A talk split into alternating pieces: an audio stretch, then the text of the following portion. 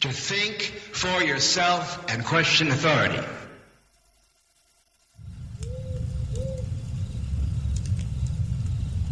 Szumi ognisko w lesie, hiperprzestrzeń się w świat niesie. Czyli czuj, czuwaj, e, chciałem powiedzieć. Żartowałem oczywiście. Uważaj harces, bo się usmarces, jak mówił Tytus w pewnym odcinku. I Atomka, ja Cię witam w hiperprzestrzeni, jak zwykle w e, sobotni wieczór w Radiu na Fali. Ciągle jeszcze transmitowane, ale raczej nieustannie, jakby szczęśliwie dzięki, pozdrawiam Iweliosę, dzięki Radiu Paranormalium, pozdrawiam w ogóle wszystkich słuchaczy Radia Paranormalium, e, pozdrawiam słuchaczy drugiej osoby, dzięki której to się pojawia w świat, e, znaczy emituje w świat, czyli Grzegorzowi, czas, no, peace and love, gentlemans. I oczywiście tobie, człowieku, e, wysyłam pozdrowienia, słuchający tego na żywca, no i tobie, słuchający tego gdzieś w podróży. Tak, e, jestem na Skype'ie. Oczywiście, oczywiście. Skype to jak najbardziej radionafali.com Także zawijaj jakby co, zio. Dzisiaj po prostu rymuję i nawet nie czuję. Pozdrawiam w ogóle księcia Edwarda serdecznie. Ja w ogóle dzisiaj... E, dzisiaj... E, no nie wiem, czy będę nawiązywał tak strasznie do księcia, ale e, ciekawe rzeczy człowieku. Właśnie, bo książę jest w archiwum na radiu Czas Snu. czasnu.com i tam sobie idziesz i tam jest Czas Snu u Grzegorza. Znaczy, strona nazywa się Czas Snu i tam jest etykieta zastępcza księcia, która leci tu w środę. Pozdrawiam serdecznie książę. Doskonała muza, doskonała. Ja tu mam nadzieję, że dzisiaj się troszeczkę podciągnę przy księciowym graniu. Dokładnie. Bo on tam przy strumyku, ja tu cicho w lesie. A głos się rozchodzi. Hej, hej. Hej, po grasku powinien krzyczeć. Ale nie wiem, czy w górach takie lasy. Raczej wieje wiatr, czy jakoś tak. Ale przystąpmy do tematu dzisiejszej opowieści. A właśnie, przypominam, że jeszcze jest oczywiście czat Radia na Fali. Y, czat rnf.hatango przez CH na początku. C-H-A-T-A-N-G-O.com Jestem na tym czacie. Będzie dzisiaj parę linków. Powaga.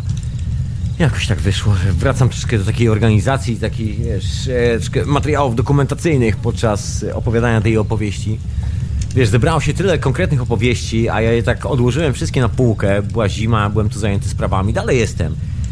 Gdybyś dziewczyna i chłopaku zobaczyła, yy, no właśnie, zobaczyła syf, nieprzeciętny syf, który mam na biurku, ale szczęśliwie podłoga, cała reszta z okiem znana.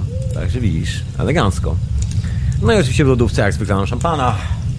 Kawioru nie lubię. Właśnie, czy ja żartowałem? No chyba nie, chyba nie, ale mniejsza od... Nie żartuję. Szampańskie nastroje, o to mi chodzi. Sobotni wieczór. Ja tu mam dzisiaj takie porządki wiosenne bo ogarnąłem część i tak powoli, powoli, powoli wymiatam e, te śmiecia po zimie. Kilka ciekawych pomysłów, niesamowite odwiedziny, niesamowitych ludzi, spotkania. Właśnie dlatego dzisiaj nie będzie wieczorowej pory. Może przyciągnę trochę hiperprzestrzeń. Tak mi się coś wydaje, bo jutro mam gościa i jeszcze mam do tego chleb do zrobienia dzisiaj. Rozumiesz pani i rozumiesz pan. Właśnie patrzę się na swój zakwas.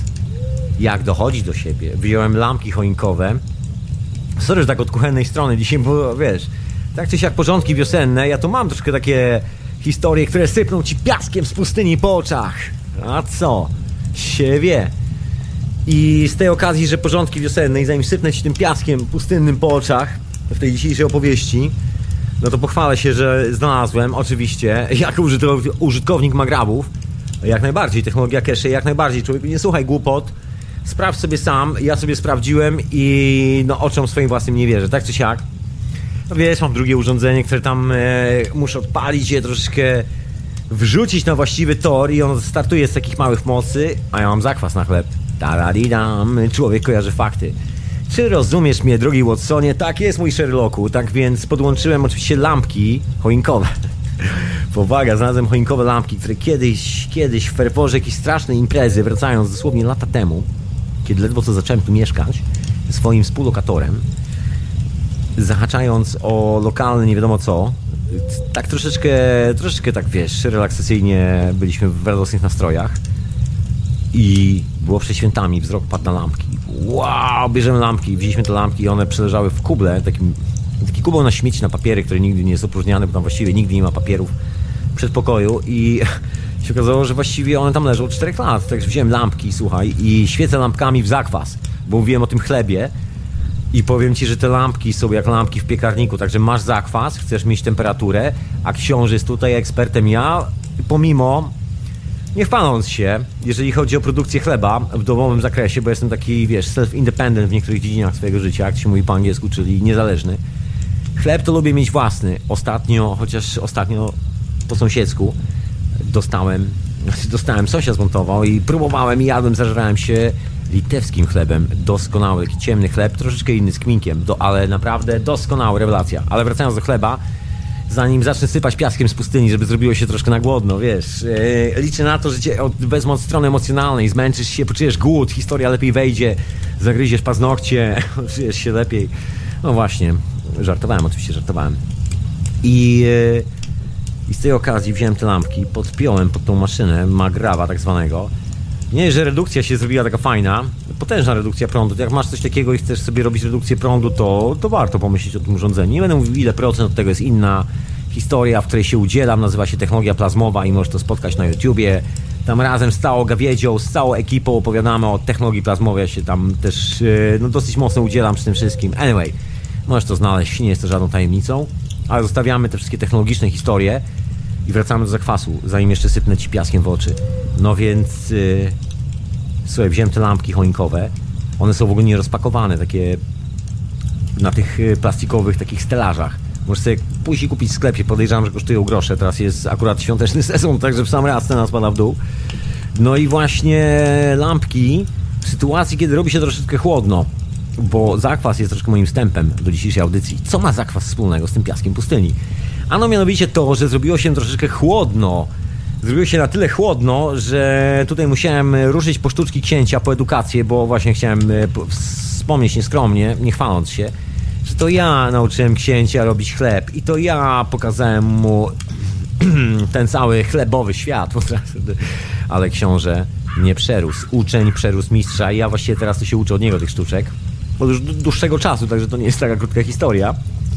No i tutaj okazało się, że lampki choinkowe, które można znaleźć gdzieś w domu, poszukaj, poszperaj, doskonale się nadają do podgrzewania zakwasu. On reaguje tak jak na lampki w piekarniku. Słuchaj, powaga. I jeszcze taka atmosfera świąteczna, chlebę. A ja ostatnio robię chleb z dodatkiem owoca. Nazywa się... Och, nie rodzynki, z rodzynkami bardzo lubię. Poważnie. Sułtańskie rodzynki, doskonała rzecz do chleba. Poważnie, nie żartuję. A teraz robię z... Kurczę, jak to się nazywa?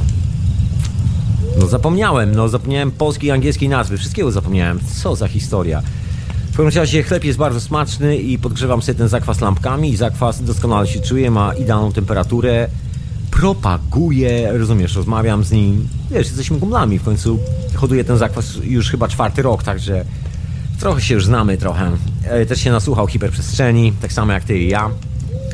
No właśnie, co to ma wspólnego z tym yy, piaskiem z pustyni dzisiaj, ten mój zakwas, bo zakwas sobie rośnie na lampkach, żeby było mu cieplej, bo zrobiło się chłodno. Temperatura spadła do niebywałych rozmiarów.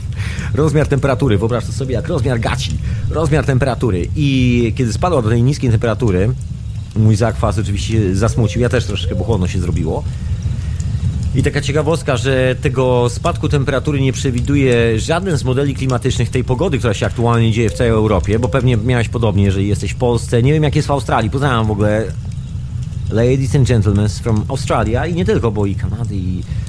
Tu troszeczkę jest ludzi z całego świata, bo to radio internetowe, nie trzeba mieć anteny i dostrajać, prawda? Wygodna sprawa. Na radiokomputerze można słuchać. I właśnie z tej okazji się okazało, że właściwie jest tylko jeden model, który poniekąd przewiduje takie hoski klocki pogodowe i to jest, można powiedzieć, nie tyle model y, zmian klimatycznych, ile model zachowań klimatu, jego odpowiedzi, jego feedbacku, tak można to nazwać, na to, co się dzieje z planetą Ziemia, na przedstawianie się tych płyt tektonicznych. Przepraszam bardzo, zaraz muszę sobie herbatę. Przerażająca wiadomość jest taka, że... bardzo przerażająca, okej. Okay. Yy... Przerażająca wiadomość jest taka, że... Yy... No właśnie, że te zmiany klimatyczne, które dzieją się nad powierzchnią Ziemi, właściwie są efektem tego, co się dzieje pod powierzchnią Ziemi i można powiedzieć, że jest to taka fala wyprzedzająca.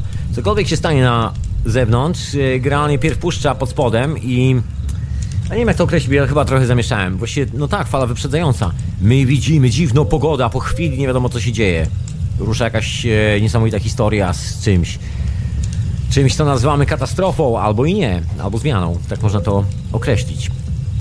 No i taka pogoda, y, która się teraz pojawia, w ogóle jest kompletnie nieprzewidywalna. O tym się oficjalnie nie mówi, bo tam telewizja zawsze ma swoją prognozę pogody, zawsze jest sponsor przed, sponsor po. Trzeba tą y, mamonę z bilą z Babilonu wyłożyć, nasycić bożka współczesnego, do którego wszyscy się modlą. No właśnie, jakimś dezodorantem. Pozwoli, że łyknę sobie herbatę. I musi być ta prognoza pogody, pogody w telewizji.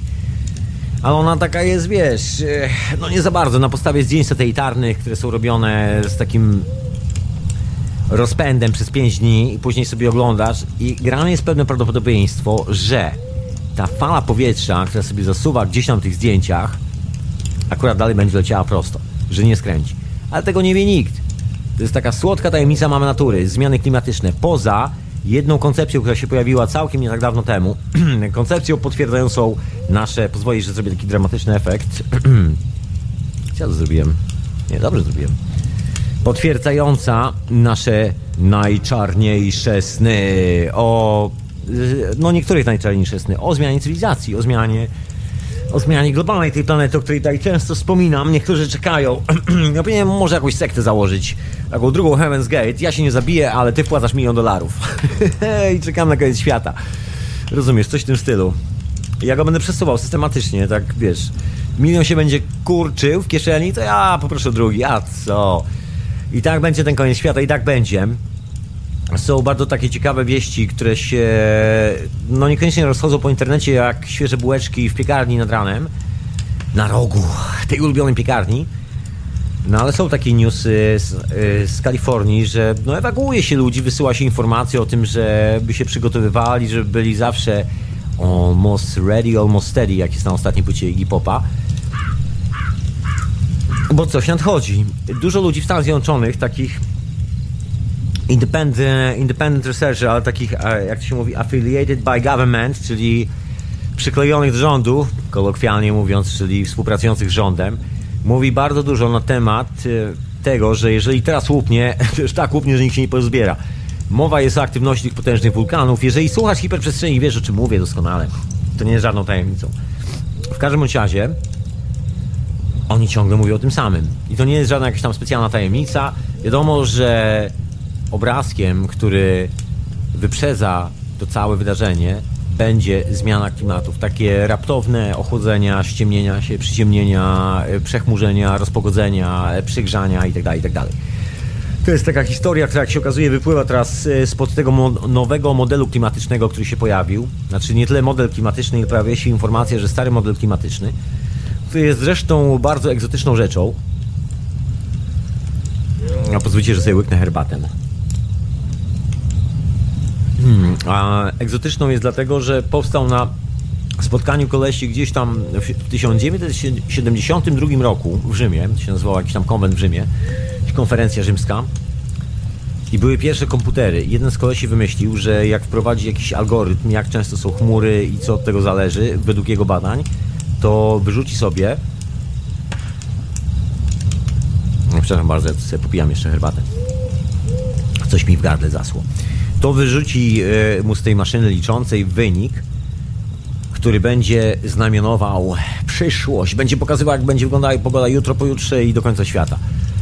Jak się domyślasz, programy komputerowe i zaawansowanie technologii w latach 1970-1990 e, chociażby nawet było tak e, potężne, że ten model klimatyczny to taka fanaberia troszeczkę, po prostu koleś doskonale sprzedał niezły kit to w ogóle była historia dobrego biznesu, to swoją drogą, bo to poszło po takich dużych bazach danych, analizowanie tego wszystkiego, wszyscy zwariowali, bo jak można przewidzieć pogodę, to można przewidzieć, wiesz, ruchy ludzi, socjotechniki. Słuchaj, słynna historia, ja ją kiedyś opowiadałem, że tak drążę, mówiłem o tym piasku, piasku prosto w oczy z pustyni, a ciągle do tego piasku daleko, bo idę na mikroprocesory, ale jak weźmiesz młotek, roztrzaskasz kwart i sobie wrzucisz w oczy, będzie szczypało tak samo. Także zmierzamy w kierunku piasku. Piasek to właściwie Nazywa się to naturalny polimer. To właściwie kwarc. Także spokojnie, zaczynam ci sypać tym piaskiem e, w oczy. Take it easy, take it easy, my brother and sister. W każdym razie wracając do tych e, kwarcowych historii, bo zdaje się o tym chciałem wspomnieć. Co ja chciałem wspomnieć? O eksperymentach e, i tym, jak dobrze sprzedano niektóre pomysły związane właśnie z tymi algorytmami na wyliczanie nie wiadomo czego. No więc okazało się, że ktoś to sprzedał nieźle, taki dobry numer. To książę, książę doskonale wie o co chodzi. Poznałem serdecznie z tymi sprzedawcami second man, e, second hand man, second brain man. Tak zwany middleman, pośrednik, e, menadżer, człowiek, który ma ideę, którą zrobi twoimi rękami, a ty ją zrobisz oczywiście, on skasuje prowizję. Model współczesnego biznesu. No i się okazało, że można to sprzedać jako bazę takie do analizy i wiesz, wojsko może kupić, służby wywiadowcze i biznes, że możesz sam analizować rynek. I to jest jak mówił Bill Hicks, to jest dobry rynek. to jest wielki rynek. It's a fucking good day market. E, amerykański market, oczywiście US market. No więc służby wywiadowcze, bo to z reguły pierwsi ludzie, którzy mają akces do tych technologii. Sprawa nie jest dziwna. Z reguły na tych rzeczach biura patentowe trzymają łapy służby wywiadowcze. O tym chyba wszyscy na świecie wiedzą. Poza niektórymi, którzy są naprawdę naiwni jak dzieci we mgle, e, właściwie Jerzyk we mgle, bo ja z Polski jestem, w Polsce się urodziłem i jestem Polakiem w ogóle tak normalnie, także spokojnie, nie wstydzę się tego. I na, będę nawiązywał tu do swojej polskiej tradycji, czyli czeskich bajek. Rozumiesz? Otóż to, nie ma jak to polska tradycja w postaci Jerzyka. Jo! Y, pozdrawiam w ogóle wszystkich y, sąsiadów z y, Czechosłowacji byłej. W każdym razie, wracając do tej historii, sprzedano tą historię jako algorytm, który może ci pomagać wyciągać dane. Później na podstawie tego połączono to z drugim pomysłem, bo był taki eksperyment, że jak grupa ludzi się skoncentruje na czymś, to wiesz, to, to się dzieje. E, koniec końców, właściwie eksperyment z kamerą dokładnie, że eksperyment ze służb wywiadowczych, bo chodziło o przeliczanie danych do tych wszystkich dziwacznych eksperymentów. I teraz chyba wszystko jest jasne, sobie tak klucze zawsze dookoła. Wiesz, koleś wyskoczyli z algorytmem do przeliczania danych i uzyskiwania mniej więcej średniej, która teoretycznie może przewidzieć coś tam, że maszyna o określonym momencie w określonej przestrzeni zrobi bip, albo zrobi dwa razy bip, albo zrobi trzy razy bip i możesz to przewidzieć, chociaż nikt nie wie, co się tam wydarzy. A z drugiej strony masz służby specjalne, które wymyśliły sobie, że zbadają właściwości ludzkiego umysłu, ale takie paranormalne. Ta-da-da-dam, wiesz, dramatyczna historia, paranormalne rzeczy. I z tej okazji sprawdzali przesyłanie wszystkiego w polu morfogenetycznym. Tu jeden ze słuchaczy mi dzisiaj ubiegł, bo tak wspomniał mi na Skype, pozdrawiam serdecznie, że on, e, te pole morfogenetyczne to jest ciekawy temat, który go frapuje. Pozdrawiam serdecznie. Kurczę, no właśnie, tak działa to pole morfogenetyczne. Skąd gentleman wiedział? Skąd wiedział? Z pola wiedział. Z pola poszedł na pole, wykopał łopatą, wiedział. Takie rzeczy się dzieją na świecie, a co? I z tej okazji proszę koleżanki, kolegi, zrobiono taki eksperyment, gdzie jeden, jedna osoba siedziała, druga osoba obserwowała na kamerze i chodziło o to, żeby przesłać e, po prostu na zasadzie systemu wireless bezprzewodowego jakąś konkretną ideę w głowie, konkretny kształt, konkretną, e, konkretny konkre wizerunek konkretnego przedmiotu. Bardzo słynne eksperymenty, bardzo znane, bardzo dużo ludzi na ten temat napisało bardzo dużo książek, jedni już powymyślali takie historie, że jak czytasz to lepiej niż Harry Potter, ale jest y, naukowa dokumentacja do tych eksperymentów, takie wiesz, niektórzy mówią, że to niby sterowanie umysłem, ale nie za bardzo. Robią takie eksperymenty na stacjach orbitalnych ze specjalnymi kartami, one mają swoją specjalną nazwę. Ja oczywiście zapomniałem tej nazwy, także nie przypomnę sobie teraz, zapomnij o tym. W każdym bądź razie okazało się, że możesz w jakiś sposób oddziaływać na ludzi i CIA, teoretycznie w warunkach laboratoryjnych oczywiście, i to nazywano szumnie tej pracy naukowej, bo to była praca naukowa jeszcze związana tam z jakimś tam, wiesz, research laboratoryjnym, z, z akademickim, statystycznym. No i się okazało, że możesz wpływać na człowieka i żeby dobrze sprzedać pracę, bo wiadomo, że to praca za grube pieniądze, bo tam potężna historia w ogóle finansowa za tym stała. CIA widziało w tym coś, co roztrzaska cały świat, bo w tym momencie będą mogli wchodzić do głowy każdemu szpiegowi, będą mogli wchodzić wszędzie i przeczytać wszystkie możliwe tajne informacje i nic się przed nimi nie ukryje budżet nie gra roli, kupujemy wszystko. I tak też y, zrobili chłopaki, wydano jakąś abstrakcyjną sumę. Legendy głoszą, że jakieś dosłownie jak na ówczesne czasy, a były to lata 70., wchodziło prawie 10 milionów dolarów. Jakaś abstrakcyjna suma, za które chyba w tamtych czasach można było prawie, że polecieć w kosmos i zostawić tam y, na przykład puszkę Coca-Coli na Księżycu i opakowanie po McDonaldzie i chorągiewkę amerykańską, żeby nie było. I to wszystko poszło na te badania. I wniosek no musiał być dobry. Słuchaj, najlepszy numer, że poręczyło za to chyba dwóch czy trzech generałów e, w takim głównym sztabie. I numer był taki, że kolesi nie mogli powiedzieć teraz Ej stary, właściwie daliśmy się sfrajerować, bo troszkę przestrzeliliśmy z tematem. Wiadomo było, że są pewne efekty, że jest to oddziaływanie, ale nie było to nic wspólnego z tym, co próbowano zrobić w tym eksperymencie. Po prostu się nie udało. Zaobserwowano oddziaływanie na siebie, że oddziałujemy na siebie, no i to wszystko. I to wpisano jako taki szczytny wniosek tego eksperymentu, że to właśnie jest to i teraz mamy klucz do wszystkiego. I się okazało, że nie ma klucza do wszystkiego, bo właściwie nie można tak do końca wysterować. Można, można spowodować reakcję, ale reakcja jest nieprzewidywalna, więc trzeba teraz y, metodą prób i błędów sprawdzić, jakie bodźce, jakie reakcje i jak można to wszystko skleić. Do czego były potrzebne bazy danych między innymi, które jak się okazało przy dużej ilości specjalistów od marketingu doskonale chwyciły, bo można zanalizować ilość klientów. Także rozumiesz, eksperyment musiał być sprzedany i to wypuszczono na zewnątrz. No i tam poszła fama, że służby specjalne, że, bo to brytyjski, brytyjsk, brytyjskie służby specjalne miały w tym swój, że tak powiem, mokry udział, ale to głównie Ankesi robili, zdaje się. No i po tych eksperymentach, że wiesz, że jest kamera zamocowana, siedzi koleś i patrzy w kamerę. No i drugi koleś gdzieś tam spaceruje i czuje, że ktoś go obserwuje i zmienia, wiesz, ma jakieś reakcje, nie?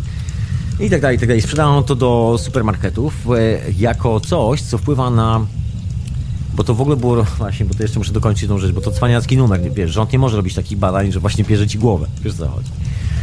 Yy, właśnie rozpieprzam ci wszystko, co tylko mogę, człowieku, a ty płacisz za to podatki. Nie, nie, nie, nie mogę ci tego powiedzieć. No więc albo próbuję tak rozpieprzyć ci wszystko, co tylko się da w głowie i jeszcze tam wejść i sprzedać ci Coca-Colę. Nie mogę tego powiedzieć, więc muszę to robić e, w białych rękawiczkach. To jest think tank, który jest e, afiliowany przy jakimś tam uniwersytecie, który jest oczywiście przy jakiejś tam fundacji, która jest zrzeszona z fundacją, która z kolei finansuje pewną, e, jest spół jakby jakimś tam ciałem decyzyjnym w jakiejś tam pararządowej, paramilitarnej organizacji. Później gdzieś tam się rozbija ciągle Rockefeller Foundation, gdzieś tam po drodze rząd amerykański, wiesz, dużo powiązań, ale firma niby prywatna, czyli jak, jakby patenty, wszystkie, cały taki research, jakby coś się działo, to to wszystko wsiąka, wiesz, nie znajdziesz tych ludzi, wszystko jest pozamykane, firma rozwiązana. Mieliśmy taki pomysł, ale poczułem, e, poczułem, że muszę zmienić swoje życie, wyjechałem do Peru i teraz pasę lamy. Nie znajdziesz człowieka, bo on pasie lamy. I zniknął. Albo nie wiem co. Albo ktoś go rozjechał po drodze. Jakby coś trzeba było zrobić takiego, wiesz, innego z tym wszystkim. W każdym razie pojawił się ten algorytm, pojawiły się te pomysły na to, że można przewidywać przyszłość, że ta pogoda dla mojego zakwasu zostanie przewidziana, tak jak należy przewidzieć tą pogodę. No i koniec końców sklejono te dwa pomysły ze sobą i zrobiono coś takiego, właśnie taki software do tego, sklejony z kamerami do monitoringu. No i oczywiście zaczęto prowadzić eksperymenty. Okazało się, że, że ludzie, którzy są obserwowani na monitorach, reagują na bodźce operatorów, którzy siedzą y, po drugiej stronie. Czyli ja siedzę, oglądam, podglądam ciebie na ekranie i ty reagujesz na moje komendy poniekąd. Tam był jeszcze taki numer, że w sklepie puszczano specjalną częstotliwość, bo to było właśnie tym kluczowym elementem patentu.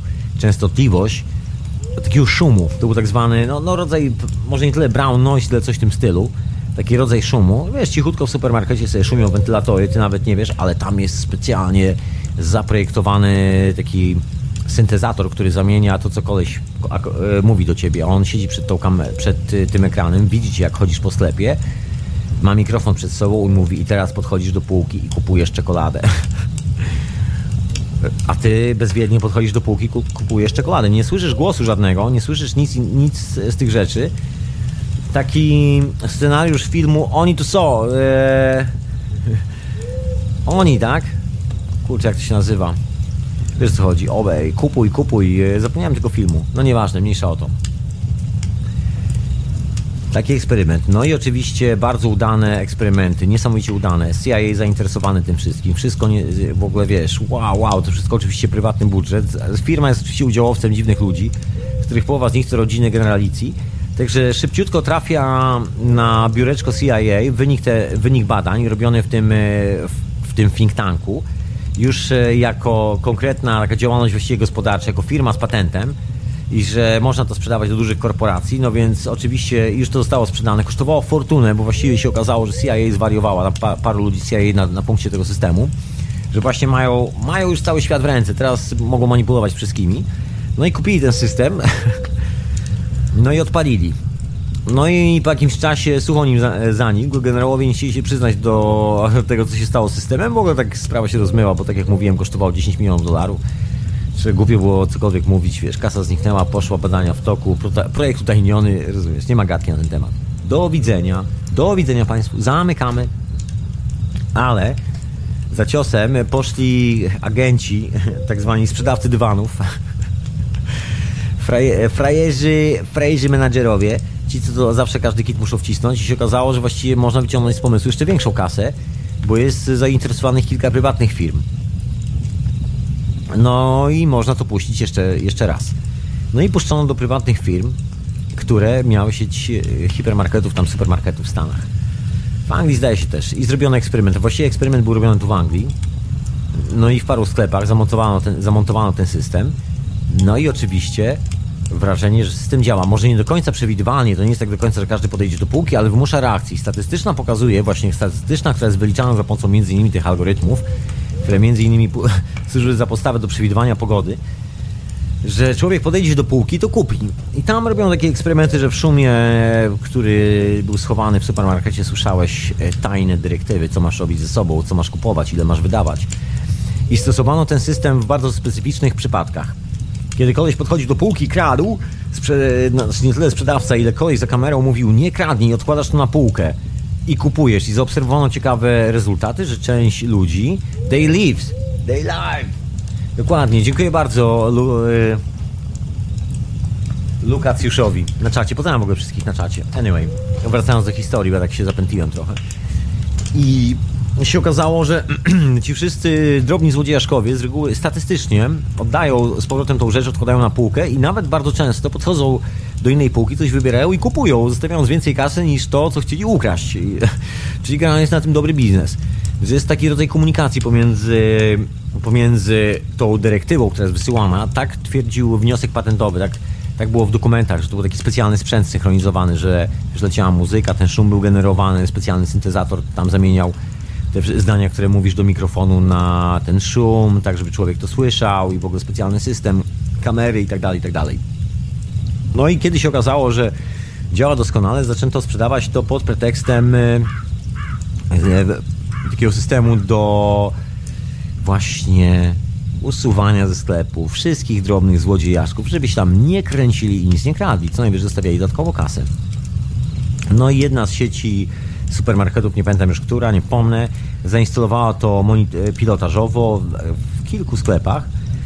No i się okazało, że wyszedł taki bardzo ciekawy numer.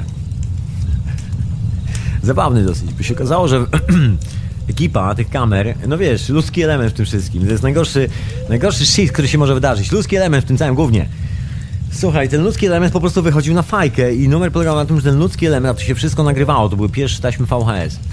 I ten ludzki element wychodząc na fajkę nie patrzył w kamery, złodziej Jaszek sobie brał z półki to, co chciał wziąć i, i wychodził i nic się nie działo. I widzisz, to było takie pierwsze potwierdzenie, że e, ludzki element jest tu takim e, czynnikiem, który jest istotny, ale też nie naprowadził nikogo na ślad. To było takie pierwsze spostrzeżenie, bo się okazało, że, że ludzki element to jest jedno, a jeszcze oprócz ludzkiego elementu jest element techniczny. Że jeżeli ludzki element, y, że tak powiem, zawali i coś oleje i sobie wyjdzie i system nie za bardzo działa, a jest wszystko nagrywane, to oprócz tego system, ponieważ musi działać 24 godziny na dobę, ponieważ trzeba wyeliminować problem z ludzkim elementem i co najwyżej później można cofnąć ta, taśmę i sprawdzić, czy nie było jakiegoś złodziejaszka i zmienić ludzki element, który obsługuje kamery, wiesz, bo to bardzo istotne jest przy tej sprawie, bo wiadomo, że trzeba łapać złodziei, przynajmniej po to służyła ta aplikacja. No i stwierdzono, że, że no wiesz, że pojawił się dodatkowy czynnik, który troszkę zmienia całą tą historię i właściwie wraca do góry nogami. Tym czynnikiem okazał się mechaniczny czynnik, ponieważ czasami w tym systemie działo się tak, że ten syntezator mowy i te kamery wysiadały. I ty na ekranie miałeś obraz ze sklepu, wszystko było widoczne, koleś tam e, jumał, co miał jumać z tej półki, chował pod bluzę, czy jakoś tak. Ty sobie mówisz do mikrofonu, wydaje ci się, że wszystko jest zakodowywane w szum yy, i cały czas leci w sklepie właśnie tak, wiesz, background, background noise, czy jakiś hałas w tle, a numer polegał na tym, że głośniki siadły i nie emitowały tej częstotliwości. Kilka razy się zdarzyło, że ten system chodził, ale nie chodził tam przez pół miesiąca, czy tam prawie cały miesiąc. parę dni i tak dalej. Po prostu się wyłączał, coś się wieszało, nie działało. I numer polegał na tym, że właściwie się okazało, że to nie są kamery, to nie jest nic innego, to jest takie połączenie właśnie w polu morfogenetycznym pomiędzy wszystkimi ludźmi. To jest dokładnie to połączenie, które czujesz, kiedy dzwoni do ciebie ciocia z Australii, a ty właśnie jesteś, yy, przypuśćmy, na Grenlandii albo w, albo w Szkocji i na parę sekund przed telefonem cioci doskonale wie, że ciocia zadzwoni. I to jest taki ludzki element, który się pojawia, taka wiesz, ciekawa historia. I to jest jeden z takich wątków, które, się tutaj pojawia w całych tych opowieściach, wiesz, z piaskiem pustyni, w oczach i tak dalej. Takie, wiesz, porządki wiosenne, ja tu robię takie, wiesz, po, yy, porządkuję wszystkie te wątki. Urwane wątki, można powiedzieć, bo tu jest dużo wątków. Bo taki czas troszkę weryfikacji, bo teraz się okazało, że ten model klimatyczny nie działa do końca, że ten model, który, jedyny, który działa teoretycznie, przewiduje to, że mój zakwas y, może zmarnąć lub nie, jest tym modelem, który jest oparty na takiej, właśnie na żadnym modelu. To jest tylko i wyłącznie obserwacja, że to się przesuwa, bo tu już nie ma właściwie modelu za tym. To jest po prostu obserwacja. Już nikt nie jest na tyle odważny, żeby w dzisiejszych czasach budować coś na zasadzie modelu. No, czy są jacyś tam szaleńcy na pewno, jakiś tam znajdziesz, ale no jest ich stosunkowo niewielu. Także nie ma już żadnego modelu, który oficjalnie mógłby wskazywać kierunek, w którym rozwija się nasz świat. Dokładnie. No ale jest troszkę wątków takich urwanych w tej cywilizacji, jest bardzo dużo tych urwanych właściwie, że pewne rzeczy możemy zweryfikować i przeglądając sobie na przykład różne te rzeczy, które są związane z piaskiem z pustyni, piramidy i tak dalej, i tak dalej, te wątki z przeszłości zaczęły się łączyć z wątkami z przyszłości. Po przesuwanie się skał, przesuwanie się kontynentów. Taki czas weryfikacji troszeczkę, bo pogoda nam się zmienia. Świat nauki sobie przypomniał, że jest troszeczkę inny moment tego wszystkiego. I, I może być coś zupełnie innego niż nam się wydawało, stąd te, te przesuwanie ludzi w Kalifornii, przynajmniej próba takiego delikatnego przystosowania ich na moment, kiedy wszystko grzmotnie, no bo to się właśnie aktualnie dzieje na naszych oczach. Te ewakuacje dookoła parku Yellowstone nieodwołane wcale, wcale ludzie nie zaczęli się wprowadzać z powrotem. Raczej utrzymuje się taki stan, żeby raczej tam się nie pałętać, bo wiadomo, że te wulkany odżyły. Wszystkie te informacje, które spływają, mówią po prostu jasno i wyraźnie, że praktycznie mamy do czynienia z aktywnością najstarszych wulkanów na świecie. Ponowną, i mowa jest o jakichś wulkanach, które są tam miliony lat. I to jest w ogóle ciekawa historia związana, wiesz, z troszeczkę innym spojrzeniem na, na to, skąd pochodzimy, skąd się wzięliśmy. I to jest właściwie, myślę, historia związana z y, tematem eugeniki. Tego szaleństwa, które się pojawiło tylko po to, żeby kilku frajerów poczuło się, że tak powiem, troszeczkę lepiej od innych no i wielkości świata, bo eugenika ma swoje współczesne oblicze, które jest związane z tym algorytmem. Ten algorytm, tudzież ci szaleńcy, którzy nagle postanowili, że jedni chcieli kontrolować umysły ludzi, nie udało się. Okazało się, że odkryli zwykłe zjawisko, które polega na tym, że jak o kimś pomyślisz i się zwyczajnie skupisz, skoncentrujesz, to kogoś zaswędzi nos. Znane zjawisko wszędzie. Odkrycie tego zjawiska ponownie kosztowało generalicję rządu Stanów Zjednoczonych około 10 milionów dolarów. Jakąś abstrakcyjną sumę zdaje się. E, tą prywatną firmę, która po cichutku wyszła z tego, w ogóle firma splajtowała, wycofała się, bo to miało być już akcje na giełdzie, w ogóle biznes zniknął, chłopaki się rozpłynęli. Może właśnie pasą lamy gdzieś e, w Peru na przykład, albo jakoś tak. Albo owce w Nowej Zelandii. albo jakoś tak. W każdym razie biznes się rozpłynął, stało się to kanwą opowieści o mind control dla wielu ludzi na świecie, że jest coś takiego, że w supermarketach wykorzystuje się szum i tak dalej, bo jest to historia opowiadana często przez agentów y, różnych służb wywiadowczych jako taka, wiesz, był taki, było takie coś, tylko że tam niewielu ludzi to szukało się do końca, bo nie był to aż tak tajny eksperyment z powodu na to, że on trafił na komercyjny rynek, stał się bardzo mało tajny i dokumentacja wyciekła z tego eksperymentu na zewnątrz, bo ona posłużyła do badań socjotechnicznych nad zachowaniami ludzi i tak dalej, i tak dalej w kilku różnych takich sytuacjach. W każdym jest dostępna, można sobie przewalić tam pół internetu, chwilę to zajmie, może pół godziny, ale jak jesteś uparty, to sobie znajdziesz. Jak dzisiaj umiałem, ale oczywiście z lenistwa nie chciałem się szukać na dzisiaj, ale mam coś innego, wrzucę Ci link na temat eugeniki. Jeśli istotny dosyć, jak jesteś na czacie, to zapraszam serdecznie i włączę jakąś muzyczkę za chwilę. jeszcze na temat tej, tej e, eugeniki chciałem wspomnieć, że po prostu współczesna nauka jest dzieckiem tej eugeniki. To o to mi chodzi. Ona po prostu nie uznaje, to jest taki rasista, nie uznaje, że inne koncepcje, które mają więcej rozsądku i oleju w głowie, mówiąc ludzkim głosem, mają więcej racji. I to są te właściwe rozwiązania. To jest tak jak archeologia, która po, powiada, że człowiek i cywilizacja ma 6000 lat, najstarsze miasta są gdzieś tam w Asyrii i tak dalej, Sumer. Sumer to może gdzieś tam, może, może Egipt, ale o 3000 lat i tak dalej, i tak dalej. I wiesz, te wszystkie ściemy na temat skąd pochodzimy, jak dawno tu mieszkamy, od jak dawno właściwie i tak dalej, i tak dalej. No i ta eugenika służy kilku szaleńcom na świecie do tej pory, właściwie od paru tysięcy lat, zdaje się, pojawia się jakiś taki szaleniec, nie wiem, nazywany władcą, generałem, kimkolwiek, który kalkuluje wielkość świata według danych statystycznych, bo wydaje mu się, że świat jest wielki, ale niezbyt wielki dla niego, także musi panować nad całym światem i musi wyeliminować część mieszkańców tego świata. w jakikolwiek sposób, najlepiej w taki, żeby mu to jeszcze przyniosło profit i dochód. I wszystko łącznie z nauką jest podporządkowane pod ten szalony paradygmat schizofrenika, który musi zrobić krzywdę innym ludziom, żeby udowodnić sobie fakt swojego istnienia na tej planecie. A właściwie ta cała wielkość świata, ta cała eugenika, ten problem e, przeludnienia, bo do, do, tego właściwie się sprowadziła właśnie eugenika. I te modele klimatyczne, one służyły temu, żeby przewidywać, jak się zmieni świat i jak strasznie będzie przeludnienie, które było strasznie popularnym wątkiem w latach 80. dla bardzo wielu think tanków. I bardzo wielu ludzi do tej pory jest chorych na tą myśl. Łącznie z gentlemanem, którego wszyscy znają, nazywa się Sir David Attenborough który jak na y, zwolennika depopulacji, bo to był oficjalny zwolennik depopulacji, no oficjalnie na spotkaniach, wywiadach i tak dalej mówił, że jest nas za dużo na planecie, że musimy się, że tak powiem, anihilować, bo niestety planeta nie da rady. No, Sir David Attenborough mówił, że musimy się e, anihilować z tej planety, ale nie przeszkadzało mu to mieć e, takiej posiadłości, takiego trawnika, na której podejrzewam wyżywiłoby się pół Afryki. No wiesz, jakoś trzeba żyć i wiązać ten koniec końcem. Szczególnie jeżeli ma się tytuł ser w Anglii. Bardzo ciężko wiązać koniec końcem.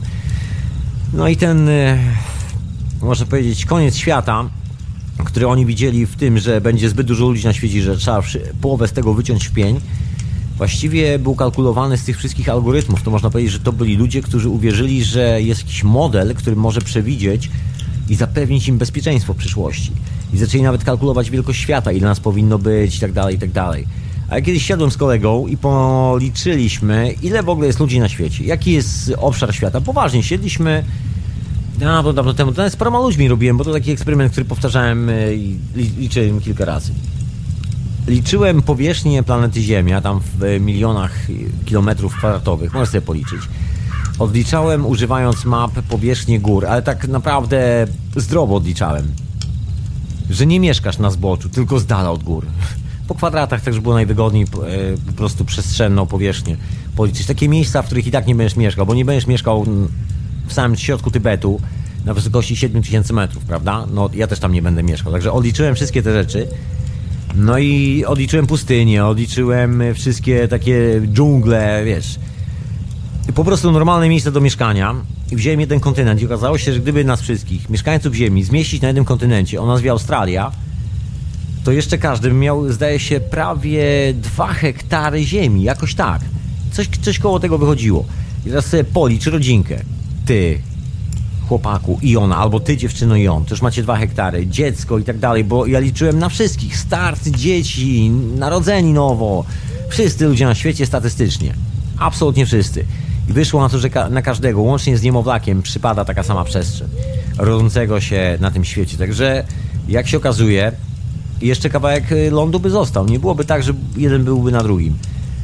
Także wyobraź sobie, że to przeludnienie to taki ciekawy pomysł, ale jeśli ja tak zahaczyłem o Australię troszkę, że wszystko by się zmieściło na Australię, to przeludnienie, no właśnie, ja myślę, jest związane z... Znaczy ten koncept przeludnienia właśnie to jest taka współczesna wersja eugeniki.